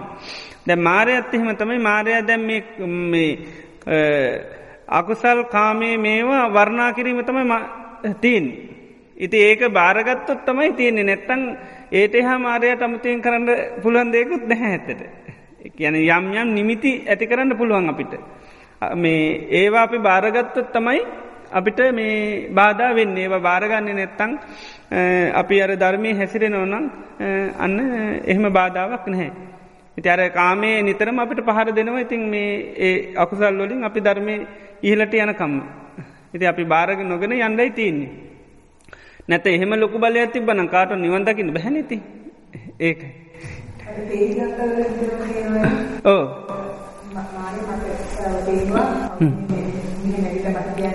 ඕ ඕ නිතරම නිමිති ඇති කරනවා. දැක වෙලාවක සමිද්ධි කියල ස්වාමීන් වහන්සේ නමක් මේ බුද්ධ ශාසනය මහන විච්චි ගැන බොහෝම කල්පනා කරනේ මට මේක මහා ලාභයක් මේ මහන විච්චේක නම් මේ වැරදිලාපු ගමනක් එහෙම නෙවේ මං මේ ශාසනී පැවිදිනින්ද මට තතාගතයන් වහන්සේ මුණ ගැවන හොඳ සබ්‍රහමචාරන් වහන්සේල මුණ ගැහුණ හොඳ ධර්මයක් ලැබුණ.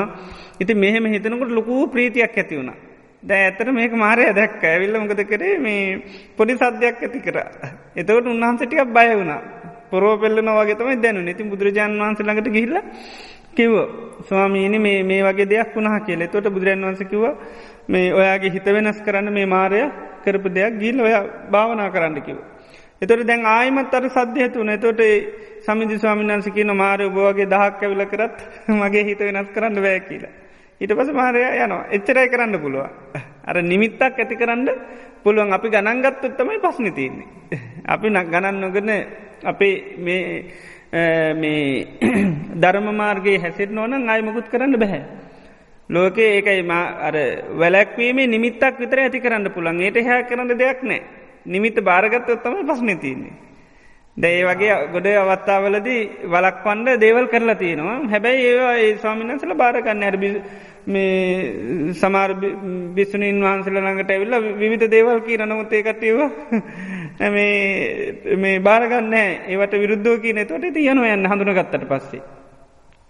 දිබුදු මේ ඒ නිසාර අපිට කරනවන යම් නිමිත්තක් ඇති කරන්න විතරයි පුළුව. ඉති අපිට තියනෙ වහන්දුනාගෙන අභියෝගෙනව ඉතිව භාරගන්න නැත්තං ප්‍රශ්නයක් නැහැ ඉතින්. මෑතකාල ස්වාමීන් වහන්සේලාට ඒවගේ නිති ඇති කරපු කතා තියෙනවා මොකද මෑතකාරනගේ මහල නැහැ ඉතින්. මෙමයි බාධ විවිදේව ඇවිල්ල තින තින් එකක විදේව ඉතින් මාරය ඇවිල්ල ඩිරෙක්ටාවවද කිලාරීට දන්න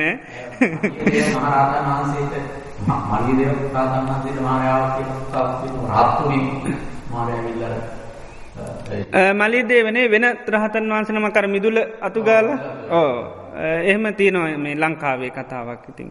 ඊට පස්සේ එයා ටකේ මාරයටම කියන බුදුරු රයන් වහන්සේ මවල පෙන්න්න පුළුවන්ද කියලා. එත මාරය ඊට පස්සේ පෙන්න්නන ඊට පස්සේ උන්වන්සේ ඒදයා බල්ල රාත්වෙන එහෙම කතා තියන්න.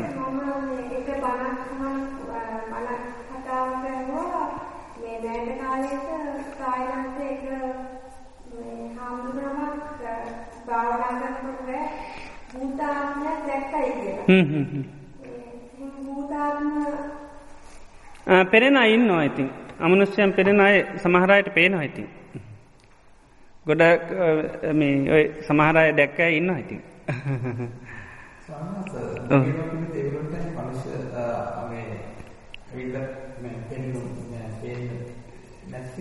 මකදද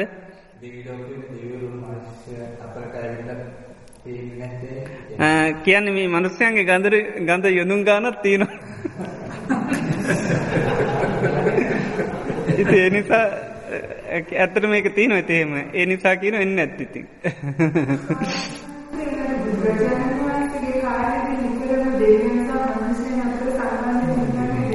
ගොඩක් ඒත් බුදුරජාන් වහන්සේ හා උසස් සාාවකයන් එක්ක තමයි තිබිලතිී. ද අනාගාමී ඇත් එක් එහෙම ගොඩක් සම්බන්ධව කටයුතු කරලා තියෙන. අනාගාමි ඔය නන්ද මාතාවට එහෙම ඊළඟට තවුග්ග කියල හිටිය අයා දාන බෙදනකොට ඇවිල්ල හාමුදුරුවන්ගේ චරිත කියනවා. එකැන ස්වභාවේ ආවල් හාමුදුරුව අනාගාමී අරහත් දුස්සීල එහෙම හාමුදුරුවන්ගේ තියෙන ස්වභාවයාට කියනවා. ඉතින් එයා කියනවා මේ මට ඉන්න ඔක්කෝගම චරිත කිව්වත් දාන බෙදනකොට එයාගේ හිතේ වෙනසක් නෑ කියනවා. දැන් දුස්සීලයි කියලා හැඳ අඩු වෙන්නෑ කියනවා කැනෙ. ඒ තනමට ය සමචිත්තා කියලා කෙන හරි මේකින් ඔක්කෝට මේක හා සමාන හිටින් දන් දෙනවා කියලා. හිට ඒවිදි අනාගාමි වගේ අයත් එක්ක ගොඩක් සම්බන්ධව තියෙන අර නන්ද මාතා එහෙම සජ්්‍යහනා කරනකොට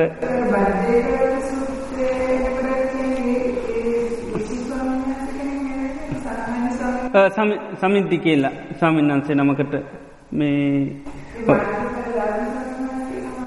වෙන්ඩ සමහන වෙලාවට ගොඩක් මේ මෙමයි මාරකවල් නැතුනත් සමහර සමිනහතලට ඇවිල්ල ගොඩක් අවවාද අනුශාසනා කරපු අවස්ථා හිටන් තියනවා.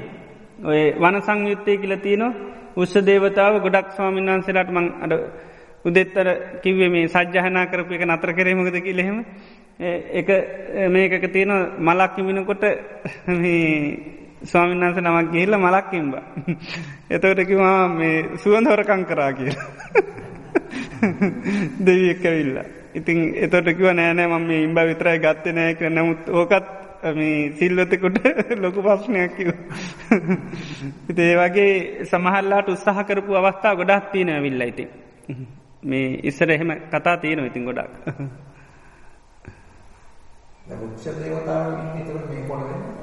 ඔහු බුම්මාට දේව කියෙන් බුම්මානන් දේවානන් සද්දන් සුත්වාකෙන් බුමාට දෙවිය කැනෙ උස දේවතාවන්ට තමයි.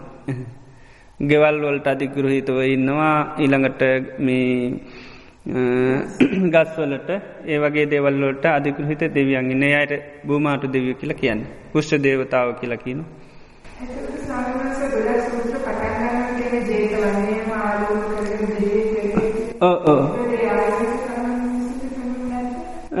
ඒකන මේ සමහරව දැකල තියෙනවා අර මේ බුදුරජාණන් වහන්සේ ඉන්ද්‍රසාල මේ ගුහා වෙන්නකොට සක්‍ර දෙව් එනවනේ එතොට මේ අර මිනිස්සු කියන මේ ඉන්ද්‍රසාල ගුහ අද ගිනිගන්නවයි කියලා. ඒ තරමට ආලෝකයේ මිනිස්සුත් දැකලති නැති. පුළුවන් පුලන් නොපේ ගොඩක් මේ නොපෙනී ඔන්න එකට රේමත් පුළුවන් පෙන්න්න ඩක් පුලන් එහම තියෙන ඉතින් අර සැඩුත් මහරහතන් වහන්සගේ අම්මත් මේ අන්තිමේට මේ වනේ උන්වහන්සේට රාලෝ කැන ඇවිල්ල දෙවියෝ මේ ඔයලා යනෝ දැකල තමයි අන්තිමේට මාන්‍යය කරලා ධර්මය මේ වුණේ. තේ වගේ තියෙනවා ඇති.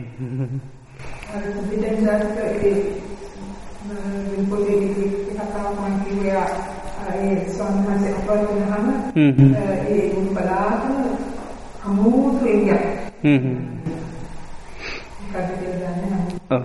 දවස් කඩේ ඥාන බුදුසරණ වහන්සේගේ කතාවක් තියෙනවා නේද බුදුරජාණන් වහන්සේ දැක්වලා තියෙනවා අයින් වෙනකොට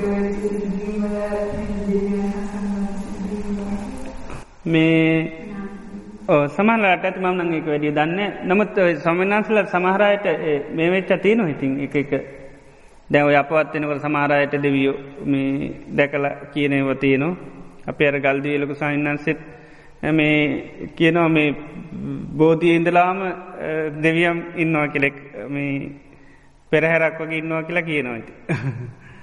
අපත්ෙන්ට දවසේ. හිතේ වගේ සමහරයට එහෙම පේනවා ඇති.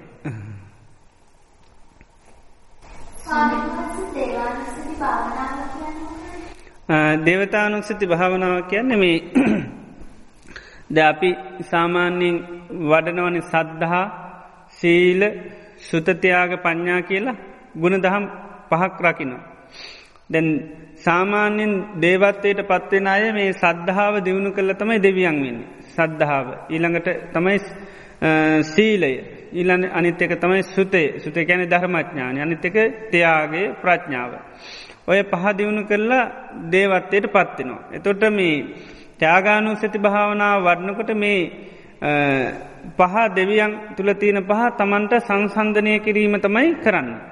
ඒක මේ භාවනා කරනවට හිතනවා මේ චාතුම් මහාරාජික යාම තුසිත නිම්මාන රති පරනිම්මිත වසවත්තියාදී දිව්‍යලෝක තියෙනවා ඒ දිව්‍යලෝකවල මේ ඉබදිච්ච දෙවියන් මනුෂලෝක ඉන්න කාලේ සද්ධාව දියුණු කර. ඒ සද්ධාව දියුණු කරල තමයි දේවත්වයට පත්වනේ ආනේ සද්ධාව මාතුළ තියෙන.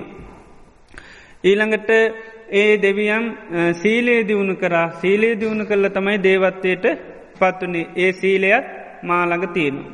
ඒවගේ මේ දෙවියන් මේ සුතේ දියුණු කරා සුතේ දියුණු කරල තමයි දේවත්වයට පත්වනේ සුතයත් මාළඟ තියෙන.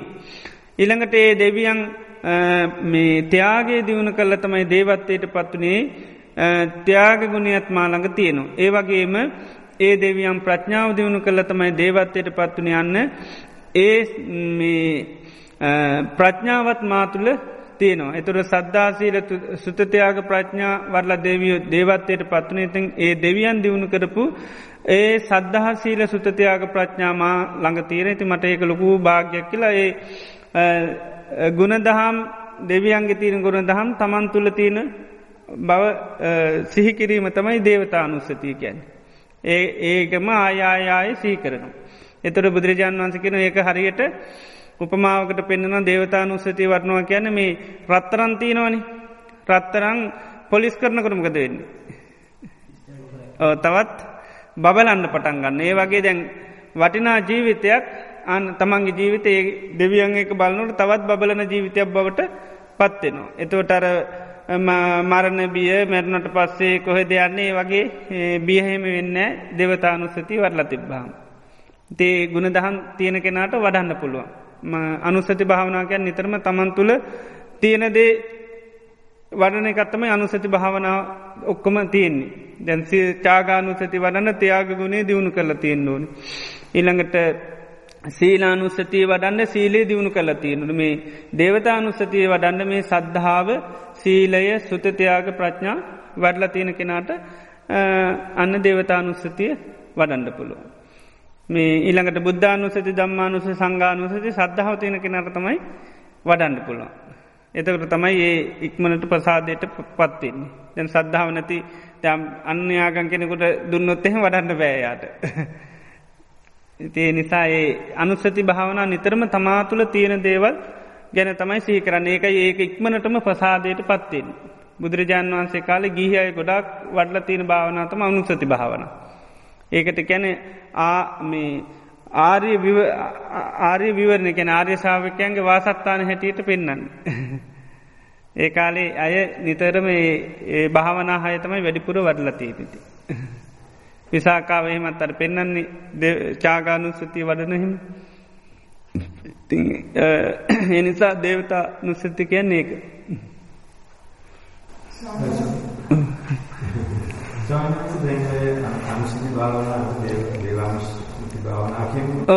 ඒක වඩන්න ඕන මේ අපිකම සමතෙන් සමාධයට පත්වෙල එතනින්ද ඒක පටන් නෑ නෑ. මේවා සම්පූර්ණ සමත භාවනාවට අයිති ඒවා. මේ ඉක්මට සමාධයට පත්තෙන් එහෙම පුළුවන් භාවනාතමයි මේ අනුස්සති භාවන. ඒකම ඒව මුකුත් නැතුව තනිකරම පුළුවන් ඉති. බොම ඉක්මනටම පහසු භාවනාතමයි ඒ අනුස්සති. හේතුව තමයි දැන් තමාතුළ තියෙන එකක්නේ දැන් ආස්වාද පාසයම අපිට අමාරුමකද සමරලාට අල්ලන්න අමාරු දැ මේ අනුස්සති ගැන තමන්තුළ තියෙන දෙයක්. තියෙන දෙයක් සිහිකරනකට ඉක්මනටම හිත සමාධිය කර ගණ්ඩ පුළුවන්. තියෙන දෙයක්න නැති දෙයක් නෙවේ. දැන් තියෙන දෙයක් ගැන තමයි බලන්න සිය අනුස්සතිකන සිහි කරන තියෙන දෙයක් සිහි කරන්න. දැන් සල්ලි තියනකර සීකරොත්තේ මික්මට සතුරට පත්වෙන්න පුළුවන් නැතුව සීකරත්මක තියෙන.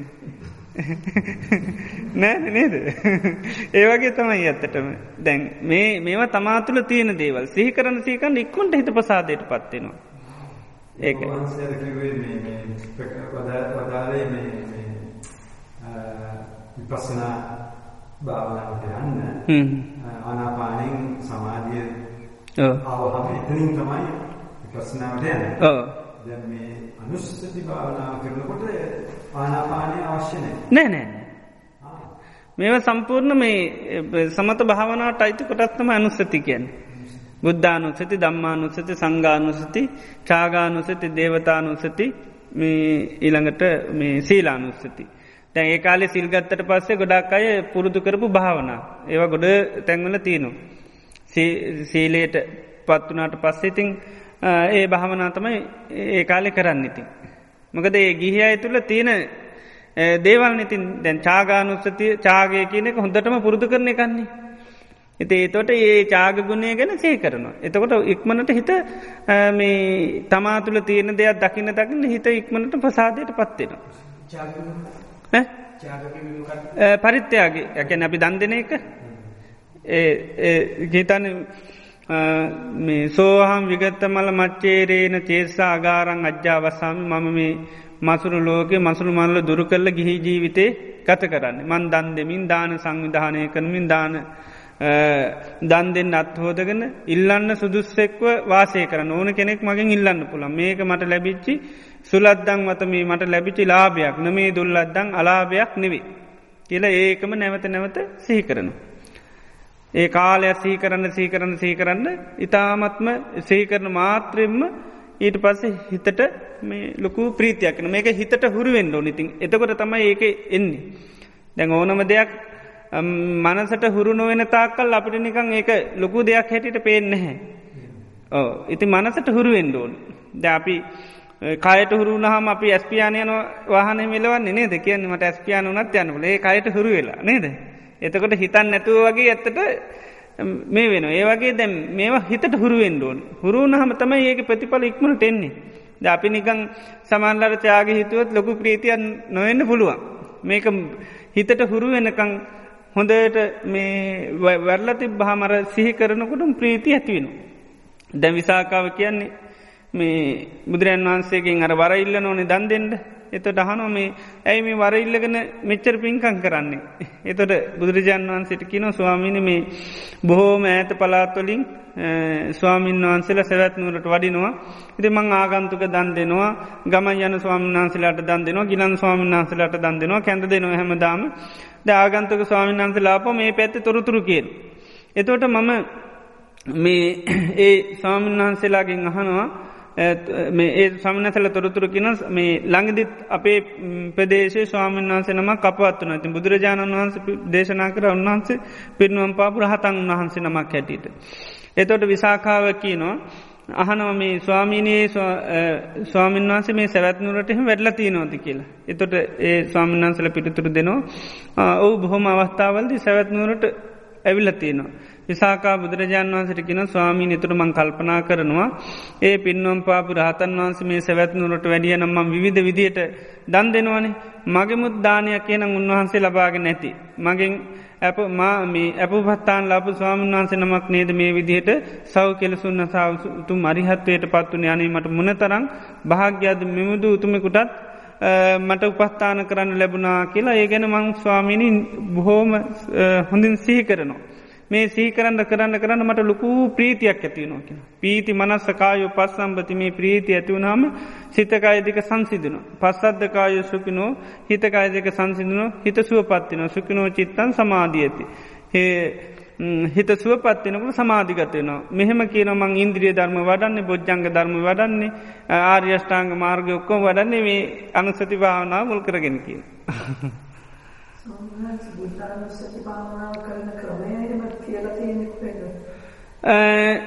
මේ ගොඩත් තැන්වල දැන් අපි ඔය ඉතිපිසෝ පාඨය තියෙන්නේ ඒක තමයි බුදුගුණ භාවනාව හැටියට බුදුරජාණන් වහන්සේ දේශනා කළා තියෙන්නේ.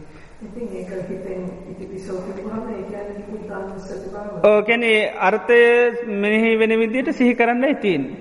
දැන් අරහං කියනකොට බුදුරජාණන් වහන්සේ ගොඩ අර්ථ සී කරන්න හොඳ නැතකොට වෙන්න ඒකාර්ථයක්වත් හරියට අහු වෙන්නේ. ඉතිං දැන් පාලි භාෂාවෙන් කෙනෙක් ඉස්සර දැන් ඉති මේක සීකරනවන ගොඩක් අර්ථ නෑන අරහං කියනකොට ඒ අරහං කියන එක සාමාන්‍ය අයට තමයි තොට යා මෙම කරන්නේ.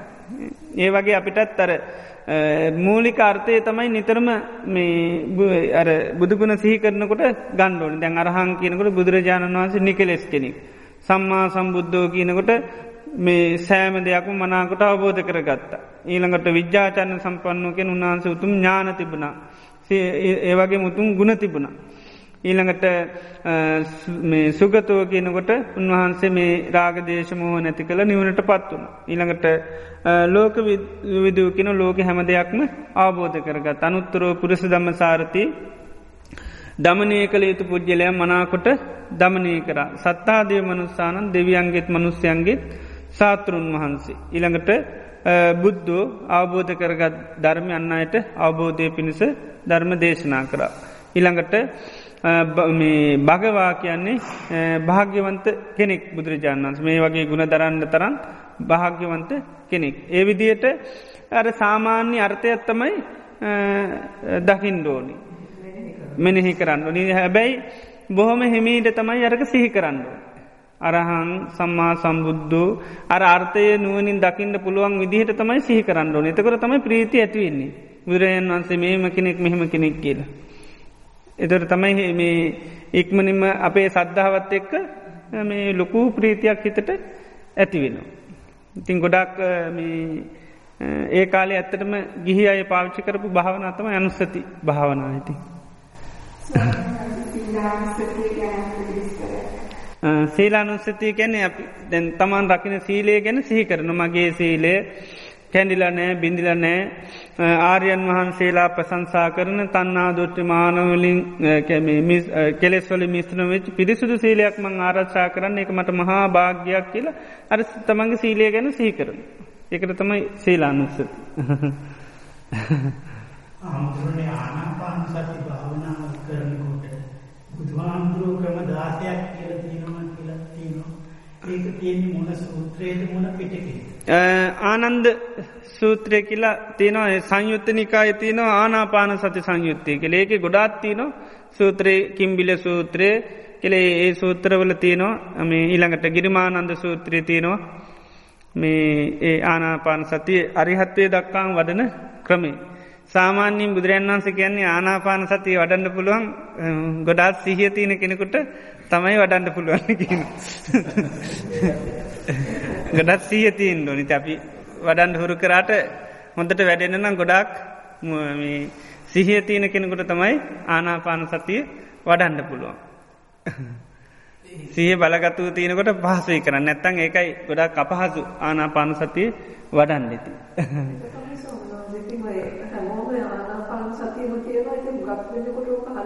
ඇති. ඒක ඒකට කැනෙ ලෝකෙට කැනෙ අර භාවනාවක් වසෙන් පකටව ආපු දෙයක් නිසා තමයි ඇතට තියෙන්නේ. නැත්තං කැන්නේ මුට්ටත් සති සිහි මුලා වෙච්චි කෙනෙකුට මම ආනාපාන සතිය දේශනා කරන්න නෑ කියලා කියනට එකක් එකක් එක මොකද සිහියයි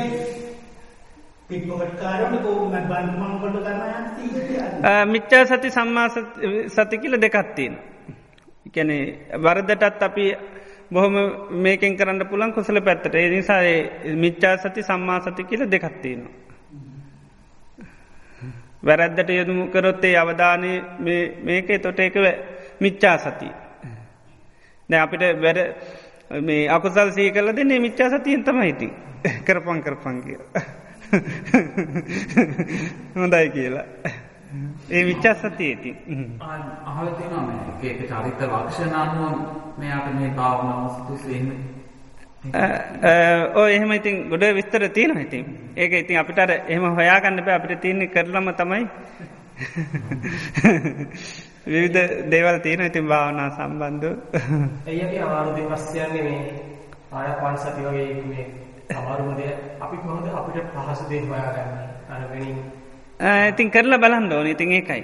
තමන් කරපුවාම ඉති මෙහෙමයි. හැමෝට සමාරුන්ට බොහොම පාසුව සමාරුන්ට පසේ අය තියෙන වෙනත් දෙකට ඉතින් ඒකන ගොඩ කර්මස්ථාන තියෙන ඉතේවා පගුණ කරපුහම පුළන් හොයා ගන්න ඉතින්. ඉතර මේ අපිට මේ හරිටම ඒක මේ දේ මෙයාට කියල ඉතින් කියන්න බැහැ ඉතින් අපි ඇතරම් හුරු කරන්න ඕන. තවට ඉතින් පුළුවන් ඉතින්. ඔව් ඉතින් අර සිංහලෙන් කියනවනේ කසාය චිත්‍ර වෙන තරමට මේ වැඩි කියලා. ඔව්. මහා පුරුෂ භාවනාව කියලා එහෙම කියන්නේ ඉතින් බොහොම සාන්තපනීත එකක් ඉතින්. ඉතින් ඒ නිසා තමයි අර ගොඩක් නමුත් මේ මේ අනිත් භාවනත් බුදුරජාන් වන්සේ විදිහටම ඉතින් වර්ණා කරලා තියෙන එක එක්කනට සමට ගැලපෙන මේවා හිති. ස්වාමීන් වහන්සේ හැම අනුස්සති භාවනාවකින්ම හතරවෙනි ධ්‍යානයට වෙනකම් යන්න පුළුවන්ද?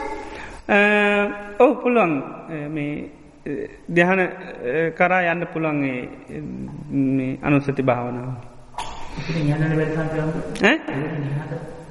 එහට මේ ඉතින් මේ ඒවා උපයෝග කරගෙන යන්න පුළ විපස්සනා වඩන්න කෝටම පුළන්ගේ ඒවැන් හිට මෙම කරගත්තාම ද මෛත්‍රියෙන් ඒම නිවන් දකින හැටියටන් දේශනා කරලා තියෙනවා. මෛත්‍රියෙන් ඔයත් හැම භාවනාම උපයෝග කරගෙන?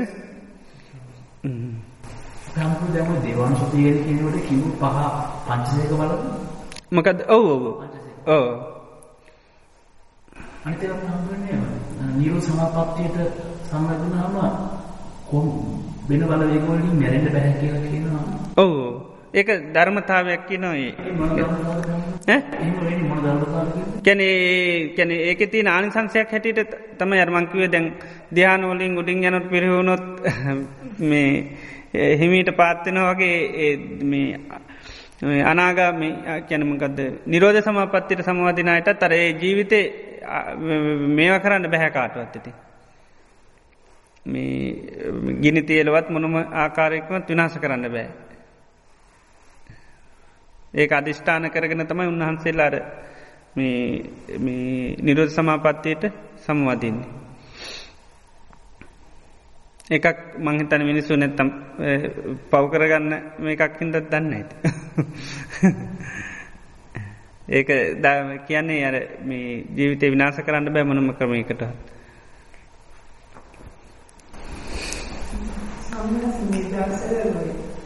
අපේ පැතරද නැගෙන රස්ට්‍රේලියාවේ ගිහි මහත්තයෙක් හරිම ප්‍රසිද්ධ දෙයක යනවා. ගොඩක් කියනවා මේ ඔය එයාට පේනවා කියලා ඔය අපාය භූමි ඒවා ගැන හරියට විස්තර කියනවා. ඔව්. ඒ වගේ ඇත්තටම පේන්ට පුළන් ඉතින් සමහරලාට ඉතින් මේ ඒවා පාච්චි කරනවා සමහරයිති තොට කට්ටිය එනවා නැති එහෙමත් තියෙන සමහරලාට පේෙන්න්නත් පුළුවන්. ඉතින් සමහරලාට ඉතින් මේ ඕ එක මේවා කරන සාමාන්‍යයෙන් අර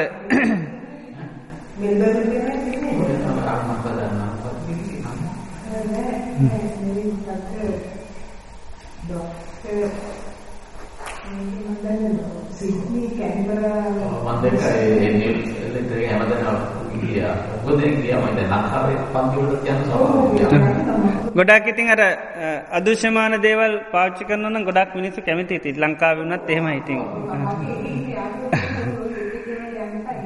දැන් පොත්තුනත් බලන දෙවියොත් ඒක කතා කරපු අමනුෂ්‍යක ඒවා ඒ පොත්වලට හරි කැමති ඉතින්. ඒක සාමාන්‍ය ස්වභාවයක් ඉතින්. ඒකයි.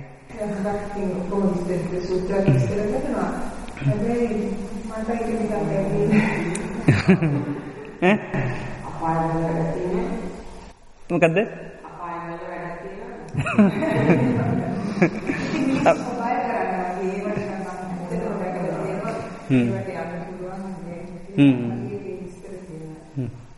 ඒක හම්දුන්නේ එක රිට්‍රීට් එකට ගියාම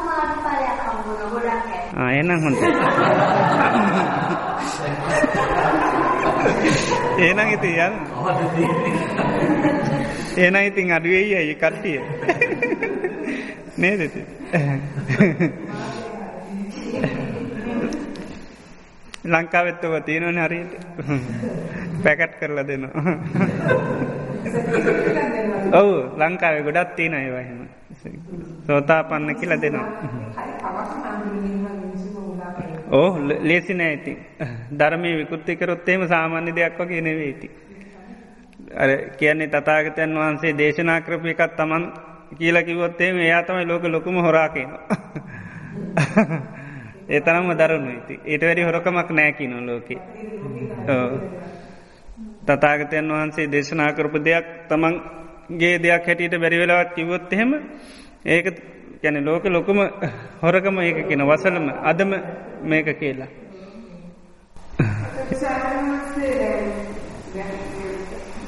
බටහිරලෝකයේ සමහර අය ඒක භාවනා කරලා සමහර පොඩි පොඩි ඔය ඉන්සයිට්ස් එකක් ඇතුළේ යන දැන් දේශනා කරලා බුදුහාමුදුරුවෝ වගේ මදයා දන්නේ නැතුව උපජානනා කිව්වා එයා දන්නතුව කිවට ප්‍රශ්නයක් නැහැ. ඕ කැන දැනගනම මේක මේ බුදු දහම තියෙන දෙයක් හැටියට අරගෙන තමන් දැක හැටියට කිවොත් තමයි. නැත්තං තමන්ට ඒ වගේ වැටහිම් අප මේ කැන එක අවබෝධ එකක් නටෙන්ට පුළුවන්නේ ඉති එහෙම කිවට ප්‍රශ්නයක් නැහැ. කැන මේක ඉරජුව මරගන ඒක තමන් ගේ දෙයක් හැටිට කිවොත් තමයි ලොකුම මේක අනික ධර්මය විකෘත්ත කිරීමත් එහෙමයිති. පොඩ්ඩක්කරි දැන දැන තමන්ගේ කට්ටිය නම්ම ගණ්ඩ හෝ පිරිස මේව කරගේම අදහසින් පාච්චිකරොත්තේ ඉතාමත්ම දරුණු ඉති. ධර්මය විකෘත්ත කිරීමති. පොඩි අකුසල් නෙවේ වයිති. අර ධර්මය අහනකොට සාධකාර දීලත් මොකේ සුගන්දේලාර උපදිනහ කියල කියන්නේ සාධකාරදීල ධර්මය අහනකොට. ඉතේතෝට ධර්මය අනි පැත්තින් විකෘති කරත් කොහොමේ විද නේද? ඒතරමට දරුණු ඉතින්. තතාගතයන් වහන්සේ දේශනා කරපු එකක් දැන දැන වචනයක් හරි වෙනස් කරලා කිවොත් ඒක හරි අකුසලයක් ඉතින් ඒකයි.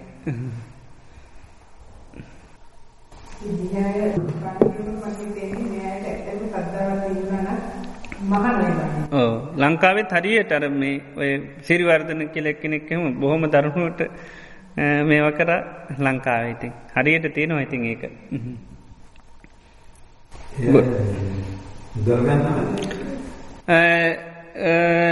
ඒවට තමයි ඉතින් ලාබ සට්කාර උදෙසා තමයි ඉතින් ගොඩක් කරන්න ඉතින්. ද හරි දරුණු ඉතින් ඇත්තටම ධර්මය විකෘති කිරීම කියන පොඩි දෙයක් නෙවෙයිති මොකද අය දෙවියන් සහිත ලෝකයට අනර්ථයන්නේ කරන්නේ? මොක දර මාර්ගේත්‍ය අද වෙනත් දේවල් මෙව කරනවා කියන්නේ පොඩි නැහැ ඉතින් ඒක.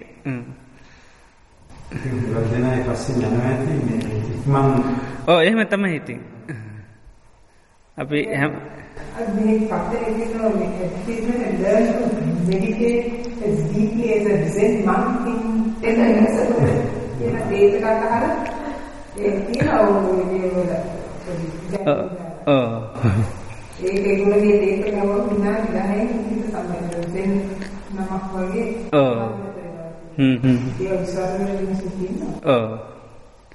තර සාමාන්‍යයෙන් ලොකු මේකක් ඉදිරියට දැම්මගම මෙනවන ඉතින් ඉතින්ලා මේ ඒකයි අර කැන අපි සාමාන්‍යින් මානසිකව දුකින් පෙල්න අය ඉතින් අර කාගෙන් අට සහනයන්නේ බලන්න ඉති ඉතේ වගේ මේ වෙච්චි ගමන් ටක්ගාල මේ වෙනවා ඇති දුකින් ඉන්න සත්‍යය ඔක්කෝම මං අර කිවේ සම්මහ වේපක් මුලාවට පත්ලා නින්නති ඊළඟට අනිත් එක තම කවුද නැති කරන්න කියල ඉතින් හොය නොයිති තොට අර වගේ බල සම්පන්නයි දැකි ගාම ඉතින් ඉක්මට යනවා. ඇතින් පිහිටවෙන් පිහිටක් බලාපොරොත්ති තේ ඒ අයි අට නොම ගැරිය ගවන් ඉති ලොකු අකොසල ඇත්තමයි කරගන්න ඉති තමන්ට මොක්හරි ලැබිලා ඒ දේ අනිත් අයටත් බාර දෙන්න හදන එකත් ඒකත් කරන්න බැරි දෙයක් නෙවෙයි.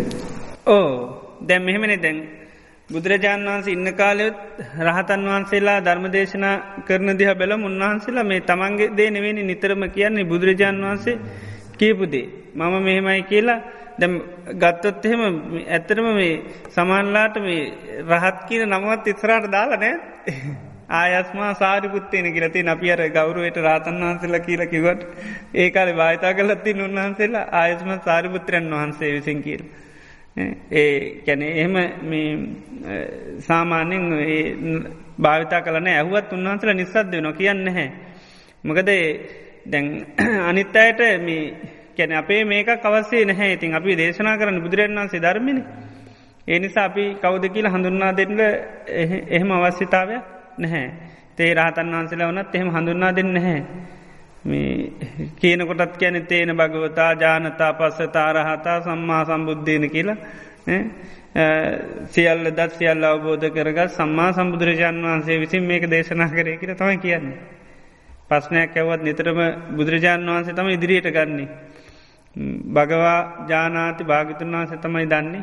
මේ භගව මූලකානු දම්ම අපේ ධර්මය භාගිතුන් වහන්සතම මුල භාගිතුන් වහන්සේ තමයි මේක නායකය.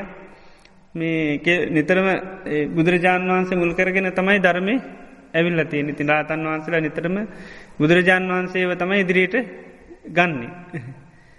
තේනිසාට තමන්ගේ දෙයක් හැටියට ප්‍රකාශ කරන්නේ